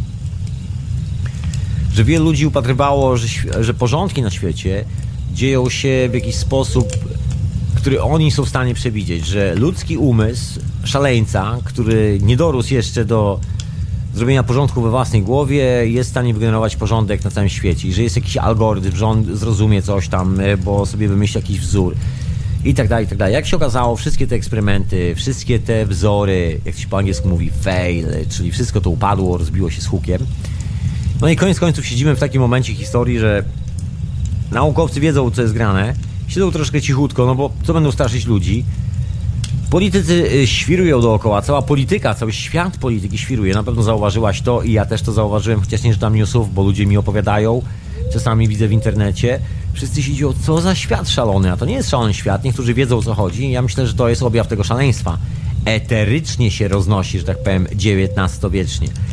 Ale tak powiedziałem o tej wielkości świata, bo tak z wyliczeń wyszło mi, że w Australii zmieściłby się cały świat, jakbyśmy, gdybyśmy chcieli tam wszyscy mieszkać po sąsiedzku. No, Australia jest w ogóle ciekawym miejscem, bo tam są jeszcze w ogóle hieroglify i to jest, wiesz, to się w ogóle łączy z tą eugeniką reprezentowaną przez współczesną naukę, że ona wyznaje jeden koncept świata, że człowiek narodził się w Afryce, tylko i wyłącznie i tak dalej, i tak dalej, a to się wszystko nagle zaczyna konfrontować, wiesz, troszeczkę inne powietrze nas otacza, zaczyna być trochę inny zestaw informacji być może. I te wątki, które do tej pory były wątkami urwanymi, nagle zaczynają się łączyć do kupy. No i się proszę kilka wątków urwanych, ale póki co utwór muzyczny z doskonałą refleksją. No właśnie, ta refleksja to Marshall McLuhan z y, wykładu w 1977 roku. Tak, tak, e, który się nazywał Medium is the message. The medium is the message, czyli no właśnie, no właśnie, medium, czyli medium jest przesłaniem. Czy przypadkiem ta współczesna nauka no właśnie, nie jest tylko jednym przesłaniem eugeniki, taką nowocześniejszą wersją, bardziej naukową. Tam nikt nie, chce się przyznać, że byłby taki głupi teraz i szacował inteligencję ludzką po rozmiarze jego ucha albo stopy, bo wypadłby troszkę na takiego głupka wioskowego, albo gorzej. Przynajmniej żaden z naukowców, ale jak tak przyjrzysz się na te projekty badawcze, na te granty, na te zabawy, które tam robią w laboratoriach, to tak, wiesz, ciężko o inną refleksję, ciężko. Ja myślę, że ta schizofrenia, bo to wiesz, można mieć za złe Rothschildom, Rockefellerom, można ich powiesić za genitalia i po prostu chcieć urwać głowy i nasikać do szyi za wszystko, co robią. Jasna sprawa, oczywiście. Ale z drugiej strony, wiesz, wszyscy jesteśmy ludźmi i jest w tym wszystkim, jest w tym całym szaleństwie Właśnie ja tu do tego się odwołam. Widzisz, człowiek, który nie rozumie, nie jest w stanie objąć całości więcej światła na tą sprawę. Kto nie czytał Goethego, ten nie wie. Człowiek łap za Goethego, łap za strofy, wieszcza, prawdziwego wieszcza dzisiejszych czasów, tak mi się wydaje. Ale, anyway, zostawiając moje lekkie zgięcie na Goethego, właśnie do tej nostalgii troszeczkę za utraconym e, czasem, bo ta cała eugenika to jest kolejny objaw, poważnie, taki e, realizujący się aktualnie objaw takiej nostalgii za utraconym czasem, za, za tym, e, jakby to powiedzieć, właśnie z, no tak. Może ja powiem za chwilę, za czym się to, ta nostalgia ciągnie, bo to jest dłuższy temat, za czym jest ta nostalgia. Ja po prostu powiem, co to jest, e, zacznę po prostu od początku, że ta nostalgia za utraconym czasem realizuje się dokładnie w owym e, niezrozumieniu samego siebie, niezrozumieniu tego, czym jest wszystko dookoła, próbie złapania wszystko tak w garść, tak powieśniacko najtańszym kosztem, że pierwszy algorytm na pierwszym sprzęcie, który został wymyślony, znaleziony, musi być idealny, że pierwsza rzecz, którą robimy w życiu, musi być idealna i tak dalej, do końca. Jest, y, jest zjawisko zwane procesem w życiu. I to jest coś, czego współczesna nauka nie zakłada. Eugenika jest właśnie jednym z dzieci owej ślepoty, tej e, marności, że tak powiem, intelektualnej, która dotknęła współczesną cywilizację. Tak mawiał Goethe, znaczy Goethe tak nie mawiał, to ja tak powiedziałem, ale Goethe mawiał to samo, tylko że innymi słowami słowy właściwie, słowy, bo on pisał strofy, a ja mówię słowy do ciebie, moja ty słuchaczko i słuchaczu. Napisał on kiedyś, że zła wiedza jest w stanie zniszczyć e, pokolenia, czegoś tak, zepsuć pokolenia. I tak się stało z nami. Te wszystkie pomysły, które nam towarzyszą do dzisiaj w nauce, eugeniki, to jest taka próba znalezienia drogi na skróty, żeby zrobić sobie dobrze bez, bez ponoszenia ceny jakiejkolwiek, konsekwencji i robienia sobie dobrze jeżeli to jest czyim kosztem, to nieważne. To jest taka próba odklejenia się od siebie samego, od tego, że jest się inną istotą, znaczy jest się taką samą istotą jak ta obok i tak dalej, i tak dalej. Takie wiesz, taki urwany wątek zrozumie ze zrozumieniem samego siebie. No i też pojawienie się takich konceptów dualnych, tego, że wiesz, wszystko jest skrajnością. Same szaleństwo to, że ktoś w ogóle na świecie rozpatruje, czy to jest dualne, czym jest dualizm, jest już szaleństwem, bo właściwie mówimy o jednej istocie, gdzie ręce i nogi są połączone w mózgu, wiesz, jest jedno. Nie ma tak, że ręka, kiedy ty się kładziesz spać, znika na imprezkę i akurat tak się złożyło, że tego dnia ręka nad ranem nie wróciła, bo zabawiła na długim trzydniowym party i ty musiałeś przez trzy dni robić sobie herbatę tą ręką, którą akurat nie za bardzo władzasz. Jeszcze na, na dodatek noga sobie poszła na ryby i wróciła dopiero następnego dnia, bo też z kolegami troszkę przy tych rybach, wiesz jak to jest czasami. Nie ma takich rzeczy, wszystko jest jednością i to jest taki problem, że nie potrafimy zaakceptować e, tego braku skrajności w samych sobie i szukamy jakiejś skrajności nieprzeciętnej, próbując zrozumieć świat, żeby doczołgać się na, ten, na tą krawędź klifu, już kompletnie zmarnowani, zniszczeni. Jak się tam doczołgamy, to zrozumiemy o co w tym wszystkim chodzi. Jest w tym pewna metoda, jest e, kawałek wiedzy, która została po starożytnych. Taka jest moja opinia. Jest to historia związana z przechodzeniem do innego wymiaru, czymś, co ja nazywam śmiercią emocjonalną, bardzo mocno. Tylko, że wiedza o tym jakoś tak się troszkę zmanipulowała, zniknęła. To jest ten mój piasek, piasek pustyni, który sypie w twoje oczy. Ta wiedza ze starożytnego Egiptu. I to jest nostalgia za tą rzeczywistą zmianą samego siebie, przejścia tego momentu, skumania, jak ustawić w ogóle swój organizm, jak zbudować technologię samemu w sobie, na zewnątrz, jakkolwiek by to nie nazywać, albo by tego nie nazywać, zrobić to całe zamieszanie tak, że latasz w kosmos, jesteś jak egipscy faraonowie albo królowie, którzy znikali sobie na przejażdżkę i tam jest w kronikach zapisane, a wiadomo, że nie, by, nie byli to wariaci, nikt by takich rzeczy nie wymyślał, że on sobie znikał na obiad, znaczy na kolację do miejscowości, która była 800 km dalej od miejsca, w którym urzędował i wracał zaraz po kolacji z powrotem na swoje miejsce i takie podróże sobie robił. I ta nostalgia za tymi podróżami, ja myślę, że to nie jest tak, że wszyscy o tym zapomnieli. To jest coś, co, co jest w nas, bo to jest to pole. Pole nie jest tylko i wyłącznie, tak mi się wydaje, to jest takie moje rozszerzenie tej koncepcji Ruperta Shadrake'a, że nie jest to do końca tak zwana current situation, czyli taka sytuacja, która dzieje się tu i teraz. Nie do końca. Moja koncepcja idzie o wiele dalej. Jestem dzieckiem rock'n'rolla i śmiem wykopać drzwi do tego biznesu. Z buta po prostu, z buta. Wyobraź sobie, że przestrzeń nie jest linearna, że to jest kostka żelu i wyobraź sobie, że właściwie nie ma czegoś takiego jak linearność, tak jak powiedziałem. Także ta historia dzieje się wszędzie. Czyli to nie jest tak, że jakby to powiedzieć, gdzie jest, gdzie jest mój las? No właśnie, gdzieś mi lasy, lasy zniknęły, sobie wycinają lasy. Człowieku, pilnuj tego, żeby ci nie wycięli tych lasów. Słyszałem, że w Polsce nowy katolicki rząd postanowił się tak pomodlić do swojego Boga, który prezentuje według nich prawa natury, że postanowili wyciąć wszystkie lasy, żeby im przypadkiem nie przypominał o tych 10 przekazaniach, które na nieszczęście gdzieś tam sobie zapisali i próbują, próbują udawać, że coś z nimi robią. Anyway, wracając do naszej nostalgii, to jest nostalgia za, za tą informacją, za tą wiedzą. I to nie jest moim zdaniem próżna, informa- próżna nostalgia, bo ona wynika chyba z rzeczywistej takiej sytuacji, że naprawdę takie rzeczy się działy w przeszłości i to mocno się działy. Opowiem Ci o ciekawych rzeczach dzisiaj. Być może już wiesz. Anyway, ta nostalgia, zresztą bo mnie zatyka troszeczkę z tej nostalgii oczywiście, się zamanifestowała w taki sposób, że szuka się rozwiązania na skrajnym końcu. Bo wiadomo, że jest rozwiązanie. To nie jest coś takiego, że wiesz, jest to permanentne szaleństwo i że w tym momencie należy złapać za maczetę, biegać e, po laboratoriach e, rządowych i wszystkich wycinać w pień. Nie, absolutnie. Myślę, że w, y, są tam fantastyczni ludzie, mają dyplomy z buraka i ziemniaka i jest po prostu, no nie będę, może dzieci są przy odbiornikach, chciałem powiedzieć, że zaje, no właśnie, biście, wszystko jest okej. Okay. Ale poszli w takim kierunku, który jest y, no czasami taki ciężko, ciężko do złapania, jeżeli jesteś po środku, jeżeli ty łapiesz, że nie jesteś żadną z tych skrajności, jesteś pomiędzy tymi skrajnościami, ja też, no to właściwie jest pytanie, po co szukać sensu świata w skrajności? Może wszystkie zjawiska są gdzieś tu pod e, naszą ręką, gdzieś wiesz, na wyciągnięcie tego wszystkiego. Wcale, wcale nie zrozumiemy lepiej tego, tego, czym jesteśmy, jak funkcjonuje cały świat, wysadzając wszystko w powietrze albo w drugą stronę. Może tak naprawdę skrajność nie ma sensu, ale ta eugenika, no to właśnie jest taka nostalgia, ponieważ właściwie wiedza, tak mi się wydaje, zniknęła kompletnie Jedyne, do czego doprowadziła nostalgia, to do takiej skrajnej emocji. Takiej bardzo skrajnej, że zniknęło, już się nie pojawi. Taki kult cargo. No i, i żeby się pojawiło z powrotem. W akcie desperacji ludzie się rzucili na model zwany współczesną cywilizacją. Wiesz, nie jest to nic złego, nie jest to świadectwo tego, że wszyscy jesteśmy naprawdę tak popaprani, że już nie ma co z nami rozmawiać. Wszystko jest okay, zdarza się. Po prostu mamy tą nostalgię w sobie, a ta nostalgia jest doskonałym świadectwem, znaczy doskonałym śladem na to, znaczy co ja mówię, mieszanie polskiego z angielskim. Oj, oj, oj.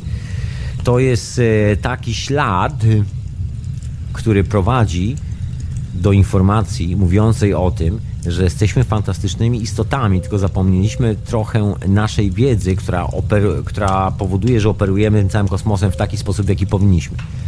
I brak tej wiedzy spowodował jakąś nieprzeciętną frustrację, która się zamanifestowała w ten sposób, że zaczęliśmy się, y, szukać rozwiązań w miejscu, w którym właściwie ich nie ma, gdzie wszystko znika, albo wszystko wlatuje w powietrze, albo nas już tam nie ma, bo ciężko na przykład stać w reaktorze jądrowym, albo w środku wybuchu bomby atomowej, albo jakoś tak. I traumatyzujemy się nieustannie, próbując znaleźć to rozwiązanie w tej traumie. To jest właśnie ta eugenika, to jest właśnie takie traumatyczne rozwiązanie pojawiające się w traumatycznych umysłach traumatycznych ludzi, skrzywionych e, stresem post, e, urazowym. Stres, po, stres po, posturazowy, dokładnie. I tak się jakoś wydarzyło, że to pole morfogenetyczne, bo tak mówię o tym Rupercie Sheldrake'u, tak zniknąłem z powrotem gdzieś, jakieś dygresje, że posunąłem tą koncepcję dalej i moim zdaniem, jako że czas nie jest linearny, to te koncepty, o których jest mowa, e, czyli koncept, w którym wszystko działa tak jak należy, możesz sobie latać w kosmos, możesz robić wiele, wiele rzeczy, które z dzisiejszego punktu widzenia być może dla niektórych są tylko i wyłącznie domeną bóstw, bogów, e, legend, bajek, Arabella, jej ta, e, czarodziejski pierścień, Harry Potter, Władca Pierścieni, rozumiesz, cokolwiek sobie tam nie wymyślisz, że informacja o tej prehistorii cały czas mieszka w tym polu morfogenetycznym, bo ono nie jest linearne, to nie jest coś, co się przetoczyło, zniknęło i pojechało jak tramwaj na torach i ty się znowu spóźniłeś. Nic z tych rzeczy. To jest ciągle dookoła. Ta informacja cały czas jest obecna i my tak czy siak, żyjąc na tej planecie, dotykamy tej informacji samą swoją konstrukcją, fizycznością, tego, że jesteśmy skonstruowani z tej całej informacji, tych samych minerałów. Człowieku, jesteśmy zbudowani z tej samej materii fizycznie, co cały ten statek kosmiczny o nazwie Ziemia. Aha. I cały kosmos, bo z czego zbudowana jest Ziemia? Jest zbudowana dokładnie z tego, co jest w kosmosie, które ma troszeczkę inne parametry. Znaczy, te wszystkie substancje mają trochę inne parametry, ale wynikają jakby rodowód, rodowód człowieku, esencjonalny, źródłowy rodowód tego wszystkiego jest jeden. I jest o tym mowa nawet w opracowaniach NASA. Są takie ciekawe historie, jak to NASA i takie historie, które możesz sobie sprawdzić na YouTubie nawet. Pewnego dnia na promie kosmicznym kosmonauci zauważyli niepokojącą rzecz. Mianowicie coś. To coś nie dało się zbadać, gdyż y, no nie dało się zbadać. Y, kosmonauci właściwie zostawili wszystko w spokoju. Kiedy prom wylądował na Ziemi, postanowili zbadać to naukowcy, ponieważ to było z zewnątrz, a nie wewnątrz. I okazało się, że są to bakterie, które żyją sobie w środku okienka w promie kosmicznym, gdzie powinny wszystkie zdechnąć. I tak się zaczęła cała historia związana z odkrywaniem tego, że w kosmosie, słuchaj, trzyma się mocno fotela. Odłóż tą kawę, bo oplujesz sobie radiokomputer. W kosmosie są aminokwasy. Tadam! Wszystkie substancje bez kitu. Bez kitu. Wszystkie substancje potrzebne do stworzenia życia, do utrzymywania formy życia są w kosmosie. Wszystkie te, podstawa, na których wiążą się aminokwasy. Bez kitu. To jest ciekawa historia. Wiesz, co jest z tymi aminokwasami? To jest taki czynnik, ja tak ostatnio e, opowiadam troszkę o tym, bo też się trochę sam dowiedziałem na ten temat, ale jest to historia związana troszeczkę z, z łapaniem tych starych wątków, bardzo starych wątków. Jeżeli się przyjrzysz na wszystkie starożytne przedstawienia, tu sypnę ci konkretnie, nawet nie sypnę, tylko przygrzmoty ci w twój łeb taką płytą, taką płytą z marmuru wyrzeźbioną w różne tajemnicze wzorki, które zostały w historii i jak się otkniesz i, i zobaczysz, co na tej płycie jest, to zobaczysz tajemnicze wzorki, które bardzo często reprezentują geometryczne przedstawienia kwadratu, geometryczne przedstawienia różnych geometrycznych przedmiotów, znaczy form.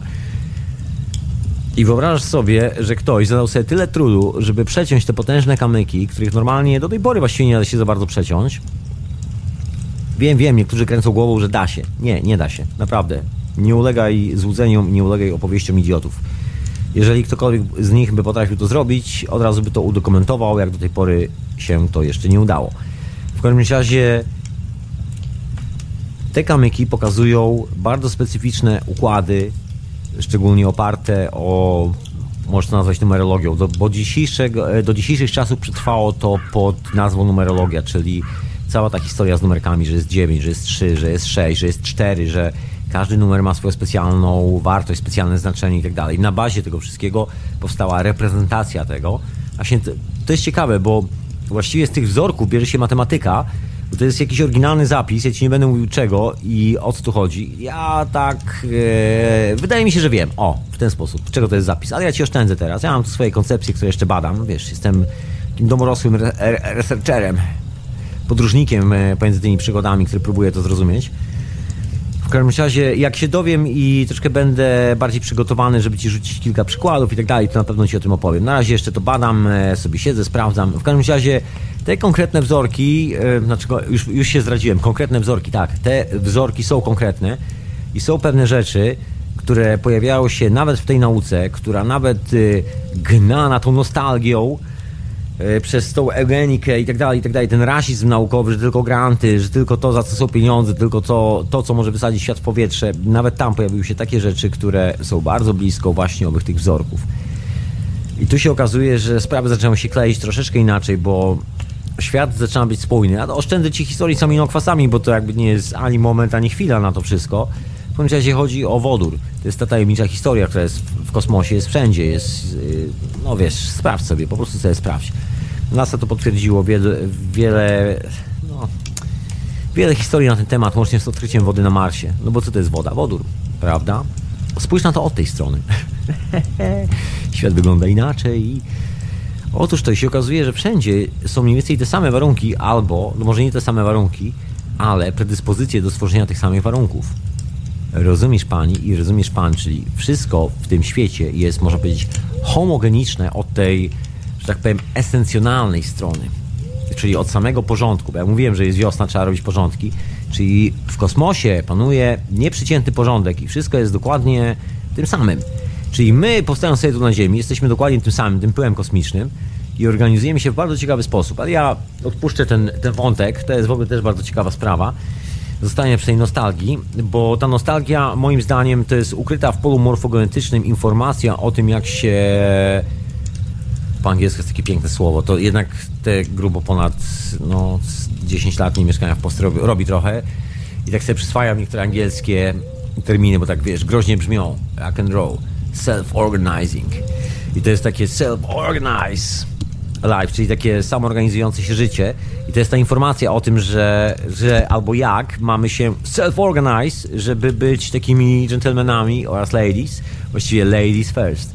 Panie pierwsze, bujać po kosmosie. Czy to bez skafandra na przykład, albo w jakichś takich naprawdę niewielkich statkach kosmicznych, które nie wymagają jakichś wielkich nakładów kosztów Zdaje się, współczesny kosmonauta musi być trenowany chyba 8 czy 7 lat. Jest jakiś taki strasznie prawie 10-letni cykl treningów i przygotowywania organizmów, żeby koleś e, mógł przeżyć. A się nie wiem, czy to jest bardziej po to, żeby kolesie, którzy go wysyłali, byli pewni, że naprawdę nie wtopili grubej kasy i zaraz nie polecą z tych stołków i nie skończy się, e, że tak powiem, e, wiesz, grancik, nie skończy się kredycik na nową furkę, na basen, na wakacje, na życie w takiej posh atmosphere w kołach e, akademicko-biznesowych e, z grantami, z dużą kasy, gdzie tam każdy dostaje po miliona rocznie. Pół miliona to najmniej i czuje się szczęśliwy, bo jest naukowcem, jego imię jest na pracy naukowej. No właśnie, a to są troszeczkę inne rzeczy. Trochę inne historie się pojawiają i widzisz pan i pani. Ale ta nostalgia jest. Jest cały czas w tym polu, także ta informacja dochodzi. To się powoli ujawnia, bo wiadomo, że długo tego się nie da trzymać, bo tych wątków jest dużo i wiesz, im więcej ich się wyrzuca, im więcej tych badań naukowych wycieka, im więcej tej informacji dookoła, chociażby w postaci internetu, tym szybciej wątki się łapią ze sobą. I nie chodzi bynajmniej o konkretną technologię, czy to jest, wiesz, sprawa oparta o aminokwazy, czy ty chcesz to robić w jakiś elektromechaniczny sposób. W każdym razie tam nostalgia zawsze będzie się manifestowała. I to jest coś, co wydaje mi się z takim połączeniem do poprzednich czasów, że my właściwie nigdy nie straciliśmy jako taką wiedzę o tym, co było w poprzednich wcieleniach. Popularny zdaje się w Polsce, ostatnio się zrobił, bo po 100 latach, no żartuję sobie, nie po 100 latach, ale po prawie 50 latach do Polski dotarł Edgar Casey. Ktoś przetłumaczył książki, teraz przeżywa swoją drugą młodość w Polsce, zanim się wszyscy przejedzą i odkryją kolejnych podgarzy Casey, bo 50 lat minęło, a kolesi takich jest par na świecie. Akurat na ich nieszczęście żaden z nich nie przewidział ani e, internetu, ani wielu innych rzeczy, także te przepowiednie. A dzisiaj miałem w ogóle rozmowę, pozdrawiam serdecznie Pozdrawiam serdecznie osobę, która tu była moim gościem, e, być może słucha. Mieliśmy bardzo ciekawą rozmowę właśnie na temat Edgara Casey i taki argument mi przyszedł do głowy i go w tym momencie, no powtarzam, no taka jest prawda, także się powtarzam dzisiaj, człowieku. Ale no tak mi się wydaje, że że właściwie nie wiadomo do którego momentu Edgar Casey e, opowiadał swój świat, który tworzył, a do jakiego momentu opowiadał rzeczywistą historię, która ma, która jest w tym miejscu, którym wszystko się wydarzy. Cokolwiek to oznacza, wiem, że to dziwnie brzmi, ale po prostu to miejsce, w którym to wszystko się wydarzy i to się wydarzy nam. I czy Edgar Casey był w tym miejscu wcześniej i on to przewidział, czy też to jest tylko i wyłącznie miejsce, w którym Edgar Casey które stworzył w swojej własnej głowie. Nie wiadomo. Indianie Hopi byli swani, bo tutaj akurat są weryfikowalni. Napisali o sieci, która, pajęcej sieci, która obejmie, przepraszam, cały świat. Kurde, muszę po jakąś kawkę iść chyba. Ale to moment, skończyć ci opowieść. I to jest coś, czego ja się trzymam, bo to jest chyba jedyna przepowiednia, która mówi o powstaniu internetu. Ja wiem, że teraz jest w Polsce, bo nie będę udawał, śledzę. Nie jestem taki burak, że udaję, że nie mam Polski już w rodowodzie. już jest tylko angielskojęzyczne, już tylko po angielsku czytam. Już e, wiesz, bo mieszkam e, grubo 10 lat poza Polską i nie mówię po polska. Już trochę zapomniałam, jak się mówi po polsku. Nie, nic z tych rzeczy, żadnych takich głupot i lubię sobie śledzić wszystkie wątki, gdziekolwiek się dzieją jakieś takie ciekawe sprawy i bardzo dobrze, bo zaraz ci powiem, co odkryłem. Znaczy, mówiłem o tym wcześniej, niektórzy się domyślają. Pozdrawiam e, Majka. Znaczy, Mike się domyśla. Mike już idzie na wycieczkę w to miejsce z aparatem. Tak będzie, będą zdjęcia. Mike, poczekaj, poczekaj jeszcze chwilę. To były zdjęcia, które były wrzucane tydzień temu, niektórzy się domyślają. Zdjęcia z Krakowa. Zdjęcia miejsca, które pokazał Franz Zalewski gentleman, który no, zrobił taki research, że to głowa mała, a propos tej nostalgii naszych poprzednich czasów. I jest to kolejny gentleman, właściwie może nie tyle kolejny, bo chyba jest to moim zdaniem w tym stuleciu, naprawdę nie żartuję, Franz, jeżeli mnie słuchasz, to naprawdę, wiesz, no bullshit, no fucking bullshit, man, that's true. You are the first one. Jesteś pierwszym kolesiem, który zrobił research w tym stuleciu i myślę, że naprawdę Carter przy ciebie, przy tobie to jest pierdnięcie. To jest po prostu idiota, który biegał z dynamitem i miał po prostu fuksa. Nic więcej. A co zrobił Frank Zalewski? Frank Zalewski odkrył bardzo ciekawe e, zależności pomiędzy pewnymi śladami na skałkach w Krakowie i nie tylko w Krakowie, a czymś takim, co się nazywa obróbką mechaniczną kamienia. Na co to wskazuje? Wskazuje to wszystkie badania i takie konkretne badania wskazują na to, że ślady tej obróbki mechanicznej kamienia pochodzą sprzed tysięcy lat, sprzed tysięcy lat, przed czasów zanim prawdopodobnie był to jakikolwiek e, w tej części Europy, czy w Anglii, czy w Polsce, tam gdzie siedzisz, czy jeżeli siedzisz w Australii, to już trochę inna sprawa. Ale pozdrawiam. W każdym razie chodzi o lodowiec. E, się okazuje, że była tam potężna cywilizacja. I co? Nostalgia? No nie do końca to nostalgia. Bardziej urwany wątek, znaczy tak, no, jest nostalgia. Nostalgia za urwanym wątkiem, tak bym to nazwał. Absolutnie, za urwanym, urwanym wątkiem, bo nikt nie wie do tej pory, jak zrobić te wiercenia. Wiercenia są niesamowite, bo są trójkątne. Ja nie będę tu opowiadał, bo najlepiej o tym wszystkim opowiada sam Franz Zalewski. Ja tu w ogóle pozdrawiam serdecznie właściciela jednocześnie prowadzącego hostującego telewizji Tag TV, bo to gentleman z Wrocławia, my się tak kilka razy gdzieś tam widzieliśmy, także pozdrawiam serdecznie. On prowadzi tą Tag TV i tam właśnie wybrali się razem z kamerą, Francem, Zalewskim właśnie na te skałki w Krakowie i pokazują dokładnie co jak z dokładnym tłumaczeniem, także możesz sobie to zobaczyć. Materiał jest niesamowity. Znajduje się też na YouTubie. Ja tu nie będę Ci opowiadał o tym wszystkim, bo tak jak powiedziałem, najlepiej jak mówi to człowiek, który jest ekspertem, a ja ekspertem od tego nie jestem, jestem spekulantem ideowym, rozumiesz? A może nie? Kto to wie, się okaże. No właśnie, także ja sobie tu pospekuluję. Albo i nie, albo tak, albo i nie. W każdym razie ta nostalgia to nie jest tylko przypadek. Taka jest moja konkluzja i to jest moja mocna konkluzja, na którą mam potwierdzenie wszędzie, w każdym stanowisku archeologicznym, które sięga chyba więcej niż 3 metry w dół, na całej tej planecie, jak długa i szeroka. I spróbuj mi się sprzeciwić, synku. Oj, spróbuj. Weźmiemy łopatę, pójdziemy kopać i sprawdzimy, co się będzie działo dalej. Bo ja podejrzewam, że na pewno coś znajdziemy. Bo bardzo ciekawe rzeczy się znajdują. To są te urwane wątki, o których nikt, nikt nigdy nie chce mówić. To jest... E, to jest, można powiedzieć, ten kurz, który zawiera, właściwie jest dokładnie z tego samego, z czego jest cały kosmos. Także my w tym wszystkim z kontaktem, bo wiadomo, że jeżeli jest to pole morfogenetyczne, to to pole morfogenetyczne jest związane z funkcjonowaniem tego pola, w którym manifestuje się ów wodór i nie tylko wodór, to co znaleźli kosmonauci, to co znalazło NASA, to co Rosjanie znaleźli na swoich statkach kosmicznych, na swoich promach kosmicznych, które wracały z przestrzeni kosmicznej i się okazywało, że w kosmosie jest życie i że, widzisz, najprostsze wytłumaczenie jest takie, że to jest dokładnie to samo pole. Zresztą Rosjanie bardzo często i dużo na ten temat mówią. To jest rosyjska nauka, ona jest inna od tej amerykańskiej i tam mowa jest dosyć wyraźnie o tym, że to nie jest aż taki problem, jakby się wydawało co po niektórym, że to tak sztucznie troszkę nam zrobiono tą barierę. Świat wygląda trochę inaczej od tej strony. I że też nie jesteśmy prawdopodobnie pierwszymi, którzy to odkrywają. My właściwie jesteśmy na poziomie cywilizacja zero, czyli troglodyci. Biegamy z kawałkiem metalu, który zamieniliśmy w kółka zębate i próbujemy się powystrzelać nawzajem, odbierając sobie miskę zupy. Rozumiesz, dosłownie, no bo tylko o to chodzi. A zupy mamy w brud dookoła, tylko, tylko po prostu no nie no nie damy sobie zjeść normalnie. Każdy musi wcisnąć łyżkę do cudzego talerza, odstrzelić mu głowę jeszcze przy okazji. Rozumiesz, pan i pani. A te ślady tej e, historii mamy cały czas pod nogami. W tym tygodniu światło ujrzał właśnie materiał, właśnie ten filmowy, gdzie panowie sobie zrobili wycieczkę po Krakowie, po parkach w Krakowie. Ja też tam kiedyś bywałem. Miłość tam miałem w Krakowie, rozumiesz pani i pan. I e, miałem okazję zobaczyć, jako że nigdy nie byłem mieszkańcem Krakowa jako takim, nie jestem Krakusem, ale udało mi się i udało mi się zobaczyć niektóre z tych śladów. Ja myślałem, że to są ślady, bo one tak nietypowo wyglądały po kamienłomach z dzisiejszych czasów, bo takie nowoczesne, lata 80., 90., może jakieś 60., jakieś takie wykuwania w kamieniach, ale bardzo takie równe.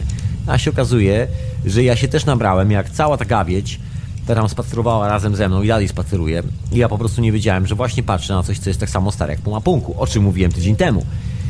Właśnie, i to jest ten urwany wątek. I ten urwany wątek yy, z tą całą eugeniką nas prowadza troszkę do Australii, bo tak jak mówiłem, ludzie i do chleba też, do chleba wrócę do tych modeli klimatycznych, bo te wszystkie modele komputerowe były też używane do metod statystycznych wyliczania na przykład skąd pochodzimy. I to jest też kolejny ciekawy wątek, bardzo urwany, właśnie w tym kontekście pola morfogenetycznego, bo to, ja dzisiaj klucze pomiędzy urwanymi wątkami próbuję skleić w całość.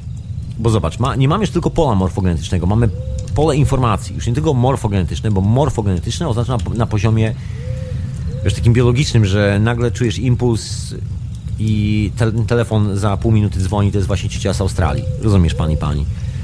Ale to jest coś więcej, że to jest taka duża przestrzeń, mocna przestrzeń, ale funkcjonuje wszędzie w kosmosie i tak dalej. To są te historie związane chociażby ze Słońcem.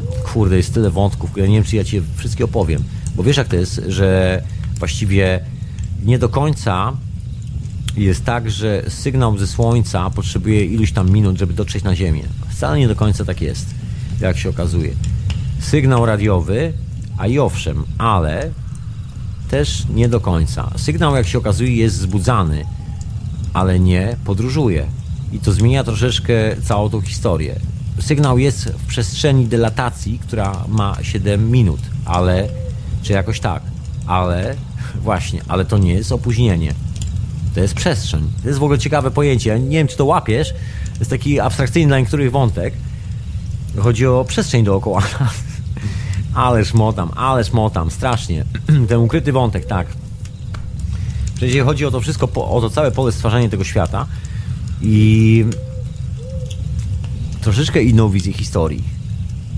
Że to rozwiązanie znajduje się zupełnie gdzieś indziej. I tak czy siak jesteśmy skazani, czy chcemy, czy nie, na zmierzanie w kierunku znalezienia rozwiązania. Bo gdziekolwiek byśmy się nie wybrali, właściwie zawsze trafimy dokładnie na ten sam moment. Ok, możemy się zetrzeć z krawędzią postaci, nie wiem, wymyślić sobie cywilizację i w postaci właśnie tej cywilizacji stworzyć naukę i zetrzeć się z krawędzią zagłady, budując bombę atomową i wysadzić się wszyscy w powietrze. Tudzież też możemy zetrzeć się z inną e, krawędzią, wysadzić wszystko w powietrze w inny sposób. Bo z reguły na tym polega dzisiejszy sposób myślenia.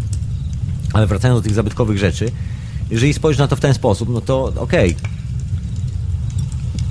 To może nie jest nostalgia, to może, no właśnie, to może jest informacja i tej informacji, myślę, jest na świecie pełno. I to tak solidnie. Jeżeli w Krakowie znajdujesz ślady po potężnych kamieniołomach, tam się pojawia takie pytanie, gdzie się podział urobek z tych potężnych kamieniołomów. Właśnie, rozjechał się po całej Polsce. Do Malborka, może gdzieś dalej jeszcze jest.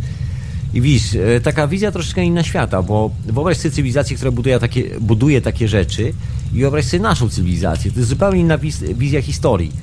A jak wiemy z nauki, znaczy z nauki, z własnego doświadczenia, przynajmniej taka jest moja opinia, wizja historii jest wizją teraźniejszości. Jeżeli nie wiesz albo, albo z jakichś tam nostalgicznych, emocjonalnych powodów dyskwalifikujesz pewną wersję rozwiązań w swoim życiu, to one się nigdy nie pojawią. I to jest właśnie troszeczkę taka pułapka, w którą wpadła nauka tej eugeniki, że właściwie tak naprawdę sami się wykastrowali. To nie jest tak, że, że udało im się opanować cały świat i grzmotność tak, że wiesz, wysterylizowali wszystkich, tylko po prostu sami się wykastrowali z, z intelektu jakiegokolwiek. I wracając do tej historii z Australią i do tego pola, bo to pole jest takie kompleksowe. Jeżeli życie się rozchodzi po tej planecie w ten sposób, to powinni, powinniśmy widzieć objawy tej, wiesz, cudownej, wielkiej cywilizacji w naszym kodzie genetycznym. Ja postuluję, to jest taka moja kolejna koncepcja, że tak właśnie jest. Oficjalny kierunek mówi o tym, że jesteśmy z, z, Afryki. I to jest prawda, ponieważ nasz kod genetyczny jasno i wyraźnie wskazuje, że tak mamy początki w Afryce. Przynajmniej te, które zostały znalezione, ludzkie kości, mają podobny chromosom. Ale numer polega na tym, że tak samo dzieje się z kośćmi znajdowanymi w Australii, z kośćmi znajdowanymi gdzieś tam szczątkowo w Ameryce Południowej. Czyli można powiedzieć, że zrobiliśmy taki desant konkretny desant. Nie wiem, jak jest na Polinezji. Kiedyś opowiadałem historię o tych badaniach DNA. Z reguły jest tak, że tej rdzennej ludności, takiej rdzennej, jest tam kilka szczepów, łącznie nawet z Polinezją, jest chyba z 80 plemion, ponoć bardzo już takie niewielkie, które się tam nie wymiksowały, jeszcze mają tą oryginalną historię w sobie. No i właśnie nie prowadzi się żadnych badań nad tymi ludźmi. Przyjmuje się taką hipotezę, że wiesz, przybyli gdzieś tam na łódkach z taką ogólną migracją ludzi. Właśnie i ten numer migracji ludzi, żeby było zabawniej, jest oparty na tym modelu klimatycznym, który gdybym, gdybym właśnie opierał się na tym modelu klimatycznym, to mój zakwas by padł. Czyli nie wiem, jak, jak ten model rozprzestrzeniania się ludzi po świecie według tego modelu, ale mój zakwas tego nie wytrzymał. Musiałem go podgrzewać, zacząć podgrzewać lampkami jak się okazuje, wiesz, te wszystkie modele te się mogą bardzo szybko mocno zweryfikować, może nawet w tym roku. Bo to nie jest jakaś straszna historia, żeby nagle pojawiło się nowe prawo, jakby nowy, może nie tyle model, ile nowe wyjaśnienie mechanizmu, bo właściwie do tej pory jako nauka, bo ja się tak ciągle dzisiaj wieszam na nich, szukają modelu, a może chodzi o mechanizm. Mechanikę i rozumienie tej mechaniki, tego co się dzieje dookoła, co nie znaczy, że mamy wpływ na model, że jesteśmy Y, że jesteśmy w sytuacji, w której możemy w taki sposób tworzyć e, interakcję z otoczeniem. Może ta cała mechanika jest zupełnie gdzie indziej. ta mechanika polega na, na obserwacji, a nie na analizowaniu wiesz, danych spływających z, z interfejsów, które budujemy i które właściwie jedynie, jedyne co robią, to tak jak ten interfejs do szpiegowania tych małych złodziejaszków w sklepie, właściwie udowodnił tylko i wyłącznie jedną rzecz. Potęgę ludzkiej woli.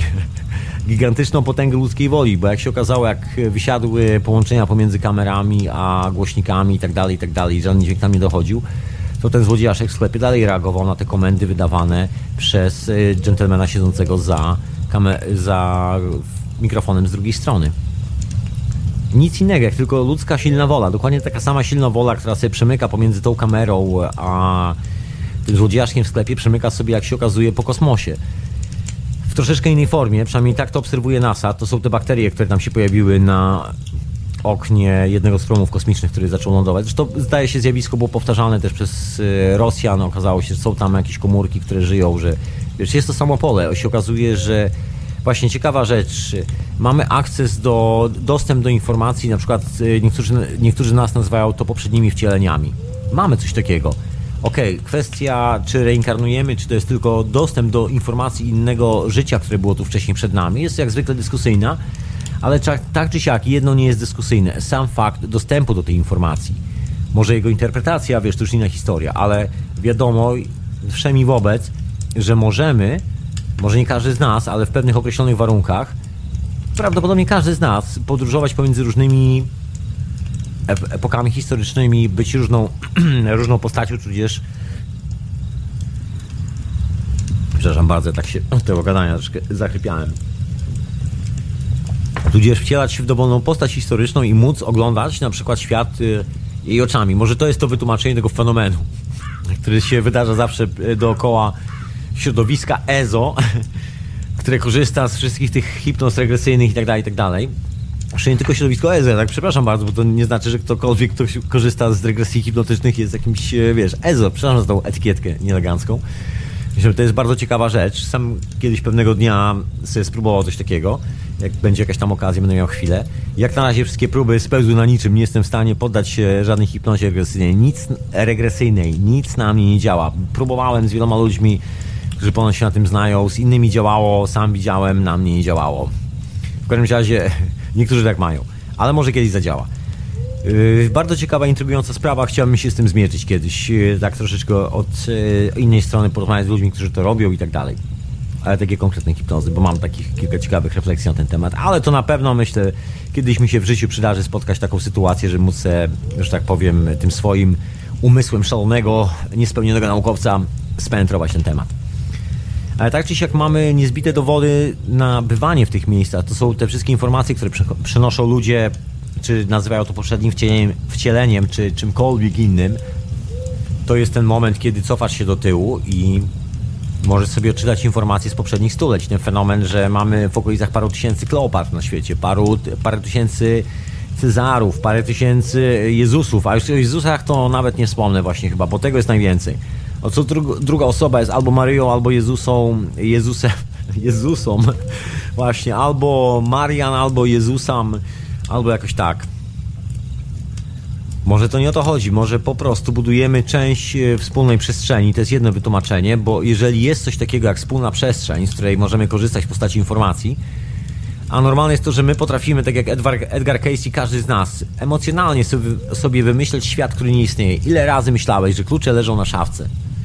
I udowodnij mi, że tak nie było. Wiesz, o czym mówię? Były na szafce, udowodnij mi, że tak nie było. Jasne, że tam były.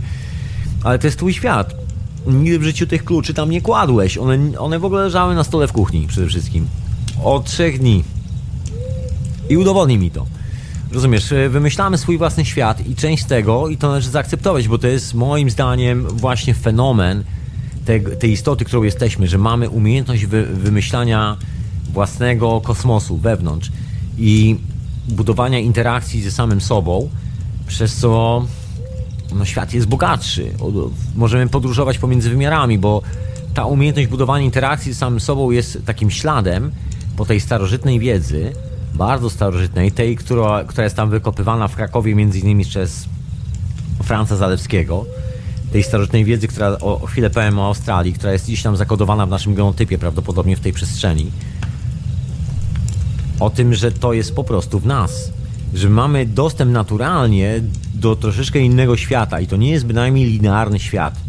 Absolutnie, że to, ta wizja teraźniejszości, którą mamy, to jest taki mocny fake, bym z angielskiego troszkę nieelegancko powiedział, czyli mocne fałszerstwo. Oszukaliśmy się strasznie, sami ze sobą, w jakiś taki ciekawy sposób i część tych elementów, tak jak się stwarzamy myślami, tak samo się stwarzamy organicznie. Zobacz, jak rośniemy. Pojawiamy się i nagle pojawiają się organy wewnętrzne, narządy wewnętrzne. Jesteśmy.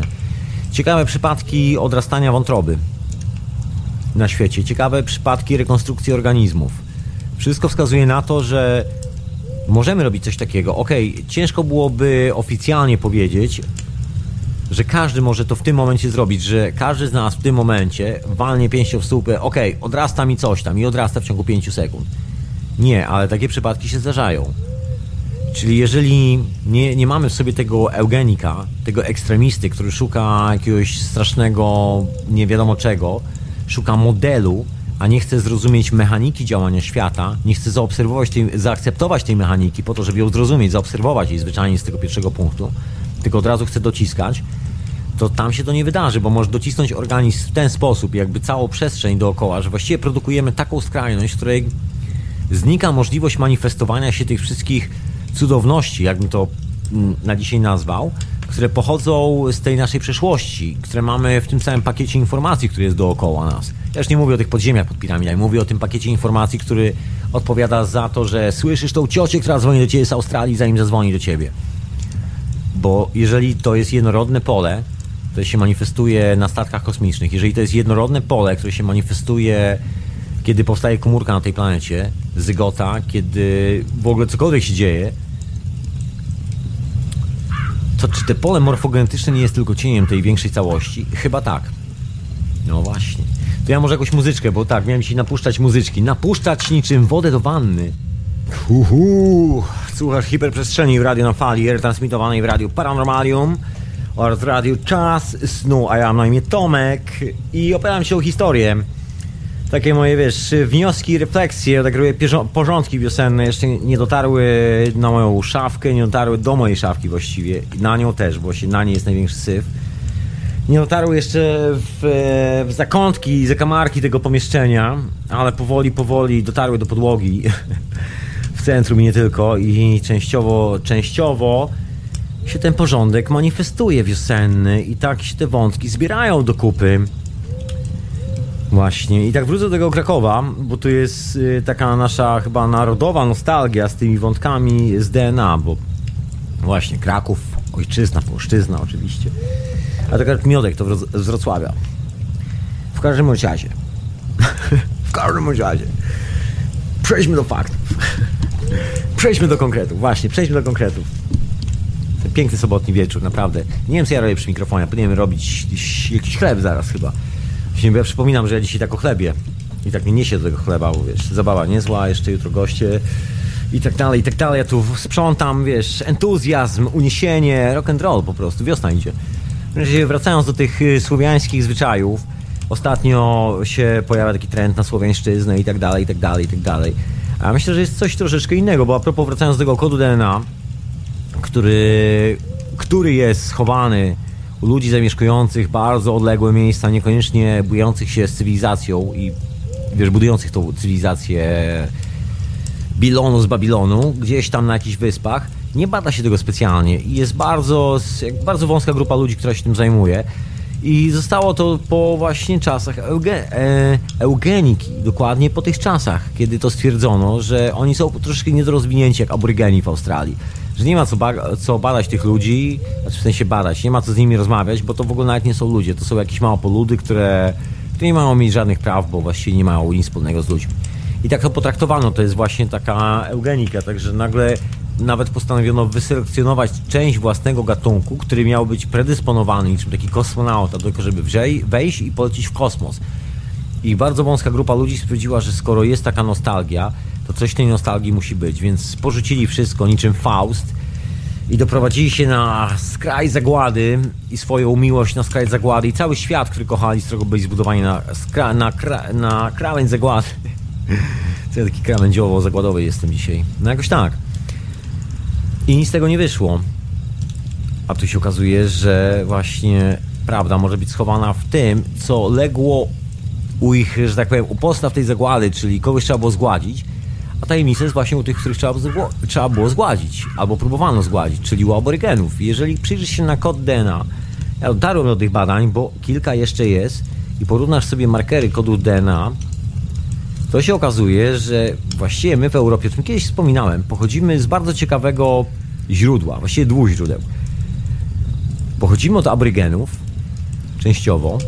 Pochodzimy z, troszeczkę z Afryki. Mamy podobny genotyp, ale, żeby było zabawniej, jeszcze troszkę starszy. Właśnie ten z Australii. Jest taki uzupełniający się. I jeszcze pochodzi z Amazonii. Ja się tak śmieję, często, e, często sobie tak to malowniczo opowiadam, ilustruję, że babcia pochodziła z dżungli, a dziadek pochodził z Australii. Z, sawanny w Australii, albo tych stepów australijskich, albo pustyni. Znaczy nie, z buszu właściwie w Australii, bo aborygeni nigdy nie żyli na otwartych przestrzeniach.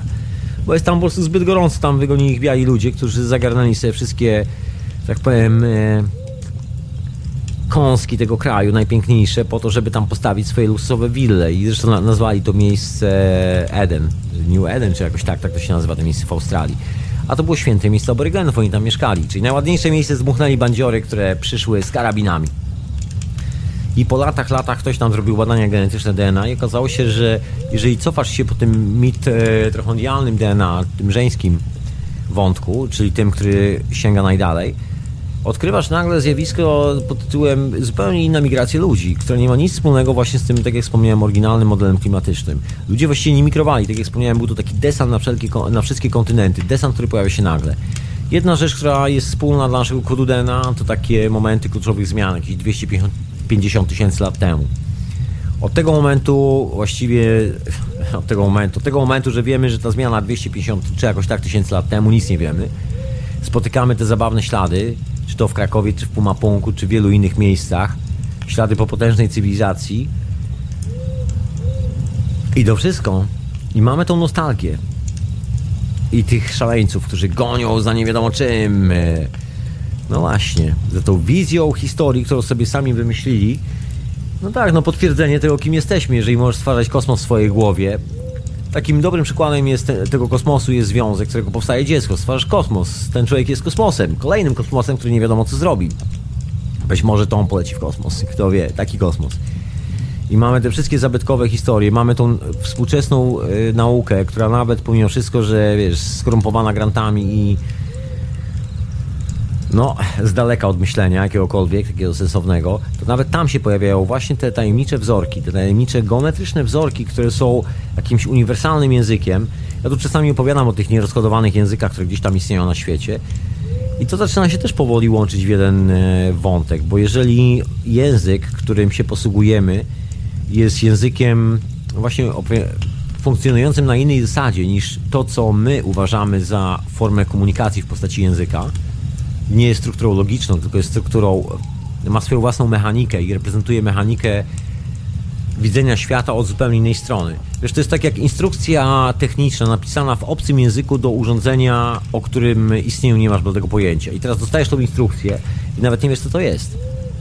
A jak się okazuje, jesteś otoczony tymi instrukcjami dookoła. I to jest taka część, e, to jest taka rzeczywista część naszego życia. Nie? To nie jest żaden dowcip, bo to, jest, to są miejsca, w których żyjemy, rozejrzy się po świecie. Ta mechanika to jest latanie owada dookoła. Przecież owad nie ma żadnej struktury dosłownie aerodynamicznej, która mogłaby go unieść. Przynajmniej te duże owady, małe też. To, co mówi biologia, że tam, wiesz, skrzydełkami zamachają, to jest naprawdę bardzo duży dowcip. Ludzie, którzy pracują dla dużych korporacji, takich jak Lockheed Martin, Boeing, do tej pory nie wiedzą, dlaczego owady latają. I do tej pory nie wybudowali nawet repliki takiego skrzydełka. Zrobił to słynny Wiktor Grabelnikow, no ale Wiktor Grabelnikow podszedł wszystko od drugiej strony. Taki reverse engineering, czyli odwrócona inżynieria. Inżynieria od strony obserwowania świata, od, e, od, od strony mechaniki świata, od strony obserwowania zjawisk, a nie negowania ich i próbie wymuszenia zjawisk, które my chcemy, bo tak nam się wymyśliło, bo nasz wewnętrzny kosmos podpowiedział nam jakaś iluzja, że tak musi być i właśnie wysadzamy wszystko w powietrze. Może wystarczy porzucić tę iluzję, orzeźwić nieco umysł, opróżnić go z tych szaleństw i zacząć obserwować mechanikę naszego organizmu. I ta mechanika jest związana z kosmosem, o czym już ta nauka powoli zaczyna mocno mówić. No wiadomo, urwane wątki kiedyś się muszą w końcu spotkać.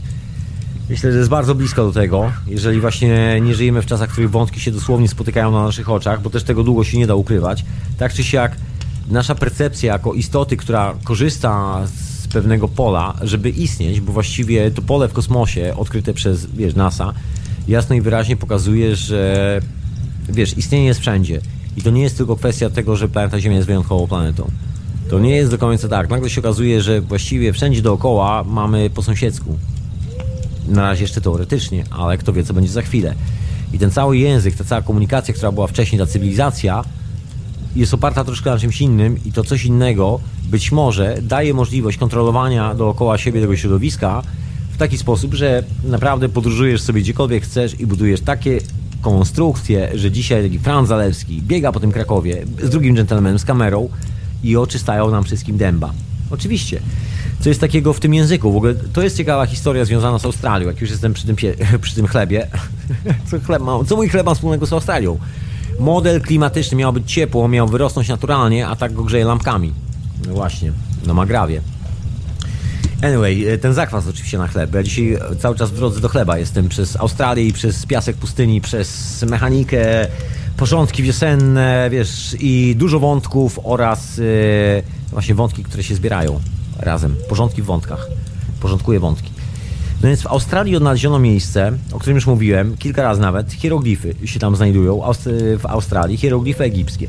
Jest ciekawa rzecz, bo ile wbijesz ten temat w internet, hieroglyphs albo petroglyphs in Australia, to znajdziesz nawet e, specjalnie na Google Map jest takie okienko na, z boku wyskakuje, że tam możesz kliknąć, cię przeniesie na mapę i od razu możesz sobie tam wejść, zobaczyć zdjęcia, jak to wygląda Bardzo ciekawe ślady wyrzeźbione w kamieniach.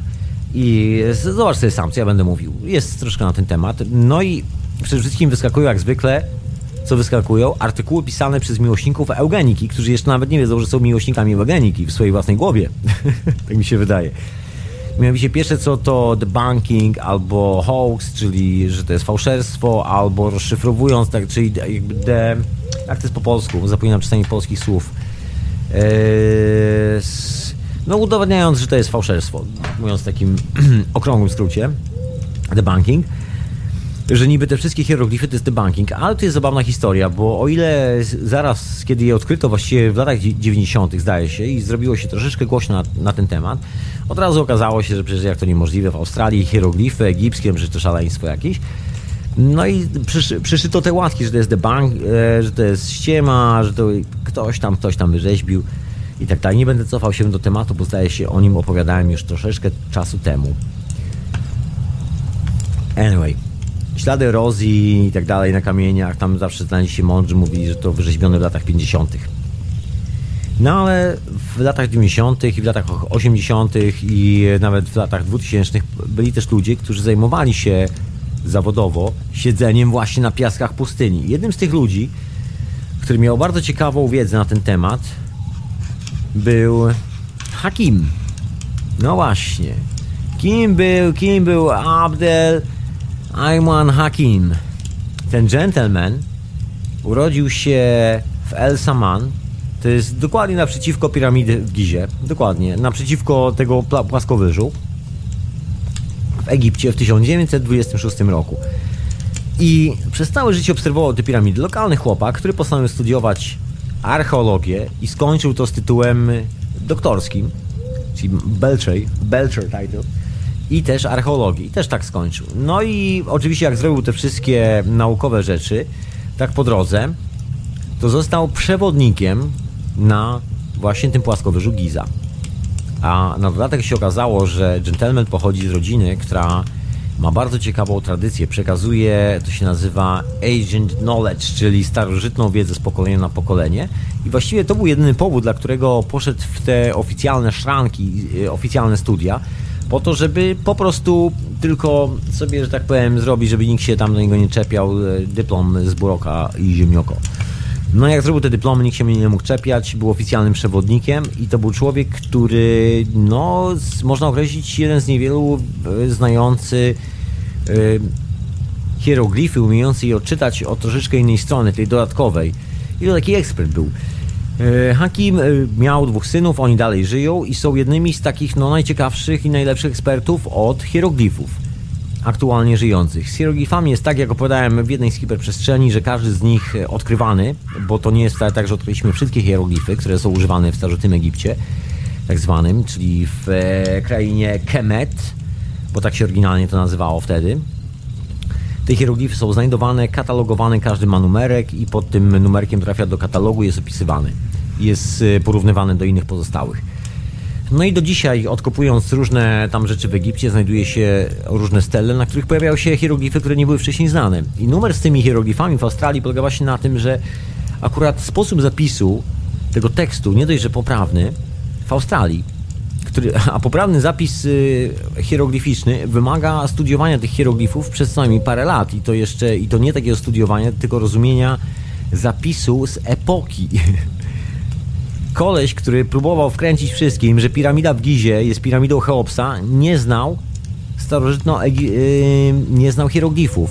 I w tym kartuszu, który jest właśnie w tej wielkiej piramidzie na płaskowyżu Giza, tym, e, w tym kartuszu, który miał świadczyć rzekomo o tym, że jest to piramida Cheopsa, że to jest e, kartuszu, który miał reprezentować podpis Cheopsa, jest błąd. I to taki ordynarny błąd, że wszyscy egiptolodzy do dzisiaj się śmieją z tego, że wiadomo, że zrobił to Anglik na początku poprzedniego stulecia, który chciał, wiesz, podpisać się pod tym, że odkrył czyja była piramida i zdobyć z tego powodu ty tytuł, szlachecki, pieniądze i sławę, oczywiście.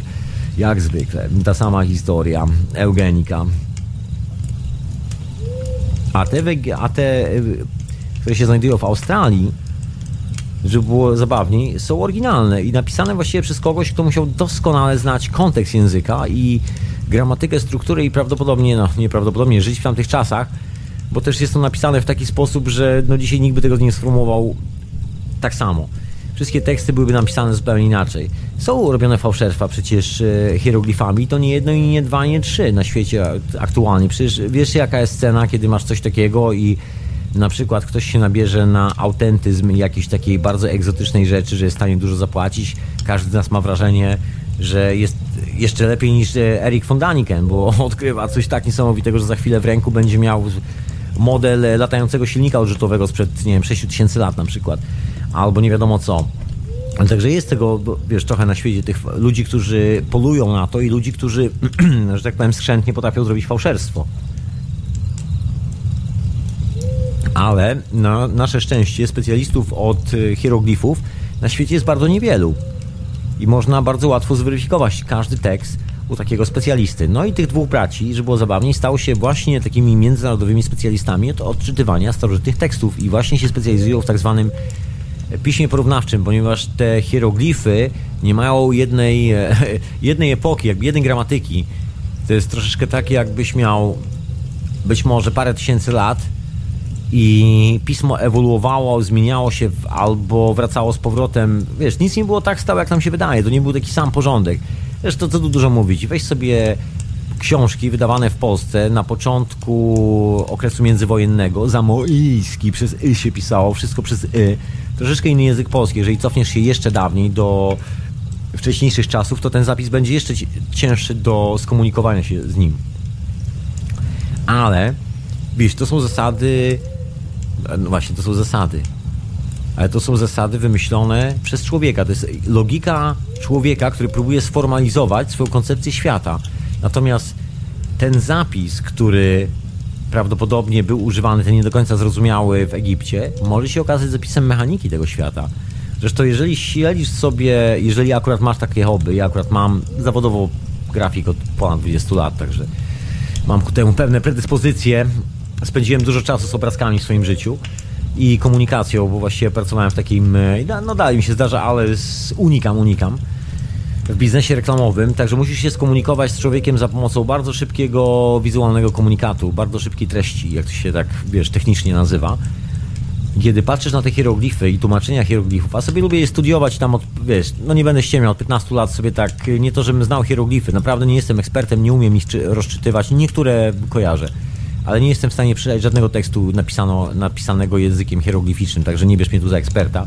To jest takie moje hobby, że lubię sobie śledzić, sprawdzać sobie w tym katalogu czasami, sobie spekulować na te tematy, bo jest dużo zagadek. Wiesz, ten pismo hieroglificzne nie jest jednolite, jest jakby z różnych epok. Jedno jest bardzo, ach, można powiedzieć, metafizyczne wręcz, y, bardzo opierające się na mechanice kosmosu nie, nie, nie, nie kwantowej mechanice, naprawdę, nie kwantowej. Na mechanice kosmosu to jest coś zupełnie innego. To jest ta prawdziwa mechanika.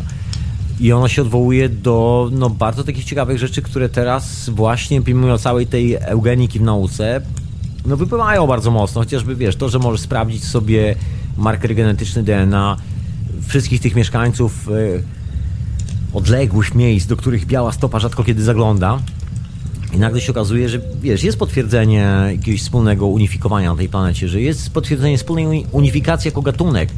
I to na poziomie biologicznym, wspólnej informacji. Jest potwierdzenie tej wspólnej informacji na poziomie, wiesz, telefonu do siebie. Jest potwierdzenie wspólnej informacji na poziomie eksperymentów naukowych y, z podglądaniem złodziejaszków w sklepie. Jest potwierdzenie tej y, komunikacji, słuchaj, w reaktorze jądrowym. Poważnie.